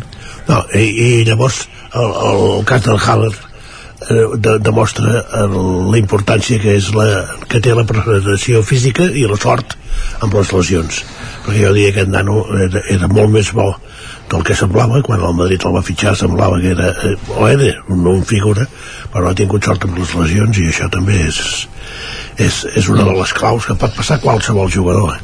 Sí, sí, perquè no, no van fitxar bueno, a preu de superestrella i de fet ho era, vull dir, amb el, Sí, amb el que el va carregar un jugador, un company seu de selecció. Perquè me'n recordo que la primera temporada va començar a agafar el ritme i va, i va fer un parell de partits ja bons. Quan va agafar el ritme, que ja se'l veia molt bé i si us en recordeu va ser un partit de Champions contra el PSG que en Menier el seu company de la selecció de Bèlgica li va destrossar el turmell i a partir d'aquí va venir la caiguda vull dir que també, també té tela això eh? però hi ha, hi ha, la, hi ha la, les lesions i també l'ecosistema de, dels, I l'espiral, de, de, dels equips aquest. i, i, i de les Sí. competicions no? perquè a vegades passa que hi ha jugadors que funcionen amb un, amb, amb, amb un equip i amb una competició, vull dir, al Barça també hi ha l'exemple d'en Coutinho, no? En Coutinho tu el veies amb el Liverpool jugant a la Premier i era un fora mm. de sèrie i en canvi la Lliga Espanyola que té unes altres, una altra idiosincràsia no ha funcionat i ara també li han passat els anys però en canvi quan va tornar a l'Aston Villa no? llavors allà va, va, va, tornar a funcionar vull dir que igual Hazard eh, funcionava a la Premier i, i no ha funcionat a la Lliga Espanyola donant per descomptat el tema de les lesions que lògicament és molt important eh, l'única esperança que tinc amb el món del futbol és que un mateix jugador des d'un mateix punt eh, llença una falta i aquesta falta entra per l'escaire o va 5 metres per sobre del travesser. I aquest, això sí que no et pot eh, no, no, no, no saps què passa ni què deixa de passar però vull dir, a vegades la pilota entra i a vegades la pilota va molt lluny. Mm. i aquesta diguem, eh, no seguretat absoluta de que eh, aquestes coses passin doncs fa que el futbol sigui més impre, impre, imprevist que no pas i, i, i perquè juga amb els peus eh? jo sempre ho dic, clar, és que hi ha menys precisió amb els peus sí, no? clar. vull dir que al final els, els, que, els que juguen a bàsquet l'han de ficar en un, un cercle que és més petit que una porteria i, i, i tiren de més lluny però ho fan amb les mans. És que, vull dir que el, el, això que dius de la sí, però això és perquè que al final el futbol és un joc d'errors no és un joc d'encerts, és un joc d'errors a diferència del que passa amb el bàsquet. Amb el bàsquet compten els percentatges i, i, i amb el futbol, bueno, sí de, de, de, de passades, però que, que és diferent, eh? Aquest, i, i això també tendeix a igualar-ho perquè és, impre, és més imprecís Sí, sí, en, jo confio en això perquè el futbol sigui més imprevisible perquè si, si no hi haurà un moment que els entrenadors ja marcaran la jugada com fan en els del bàsquet. Avui aquí hi ha l'alè hi ha el pivot i no sé què. I esclar en, millor que sigui imprevisible. I una de les coses jo crec que, que és un avenç molt gran i encara que puguem criticar-ho és el tema del, de l'aplicació de la tecnologia i del VAR principalment amb, el, amb els fores de joc.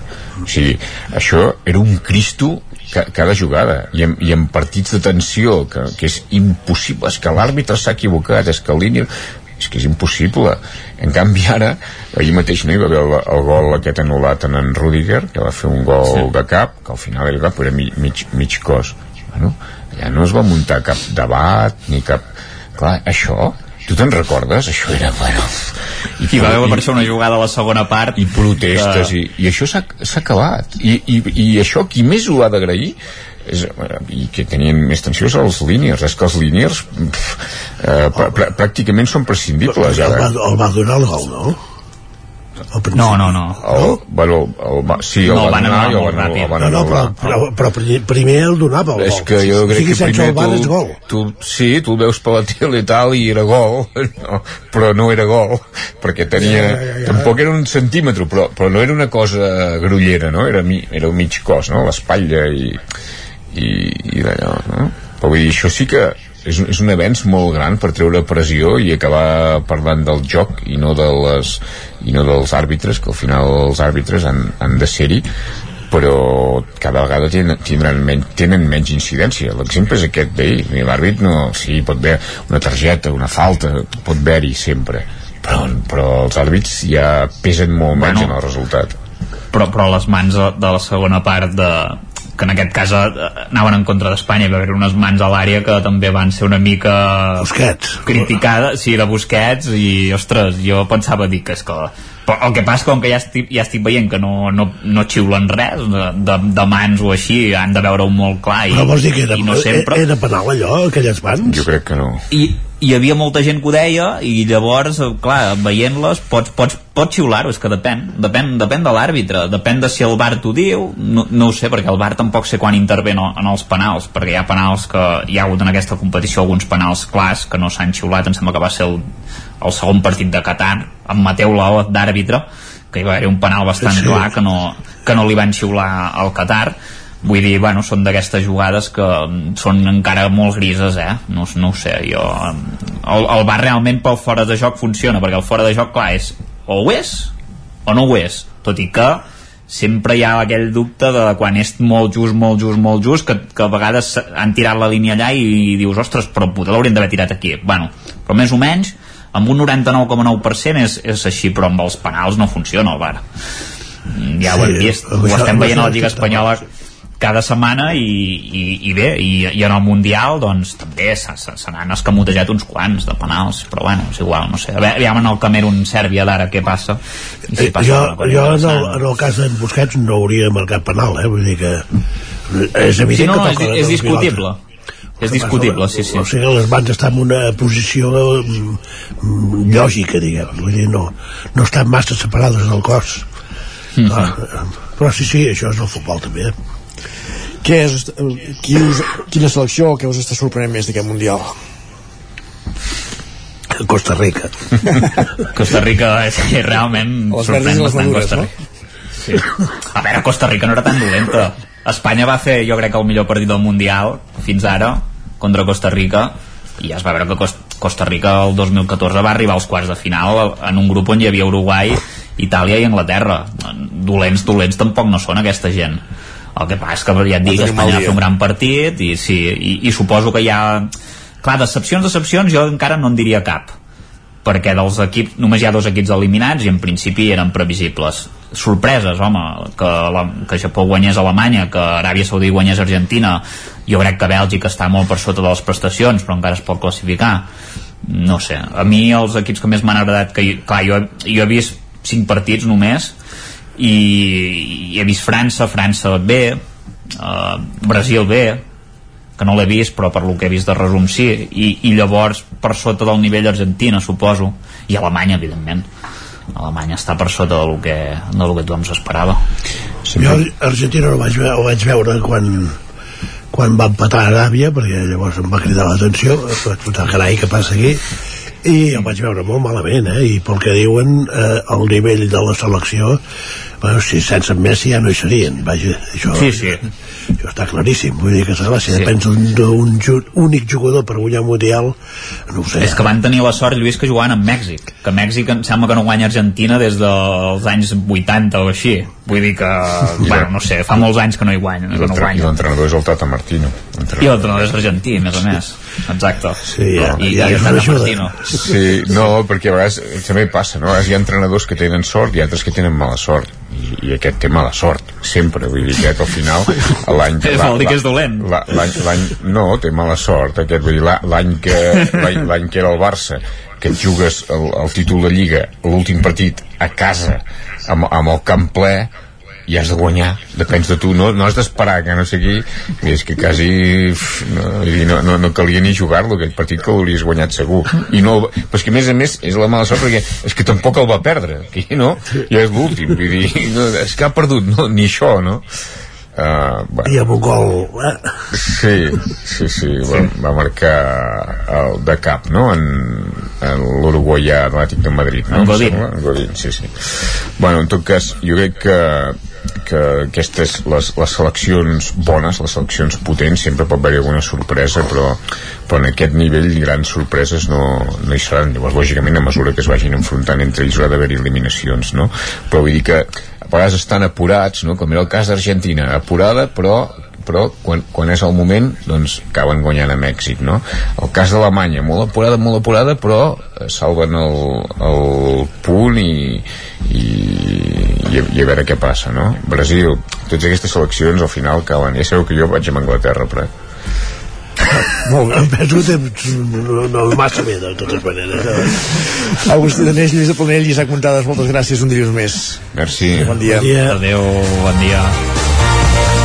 Doncs parlant del Mundial acabem el territori 17 d'avui dilluns 28 de novembre de l'any 2022 hem començat el programa a les 9 del matí us hem acompanyat fins ara a les 11 i tornarem demà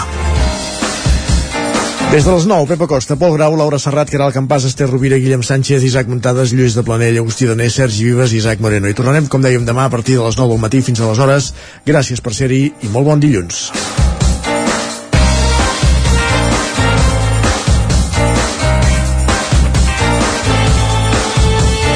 Territori 17, un magazín del nou FM. La veu de Sant Joan, Ona Codinenca i Ràdio Cardedeu amb el suport de la xarxa.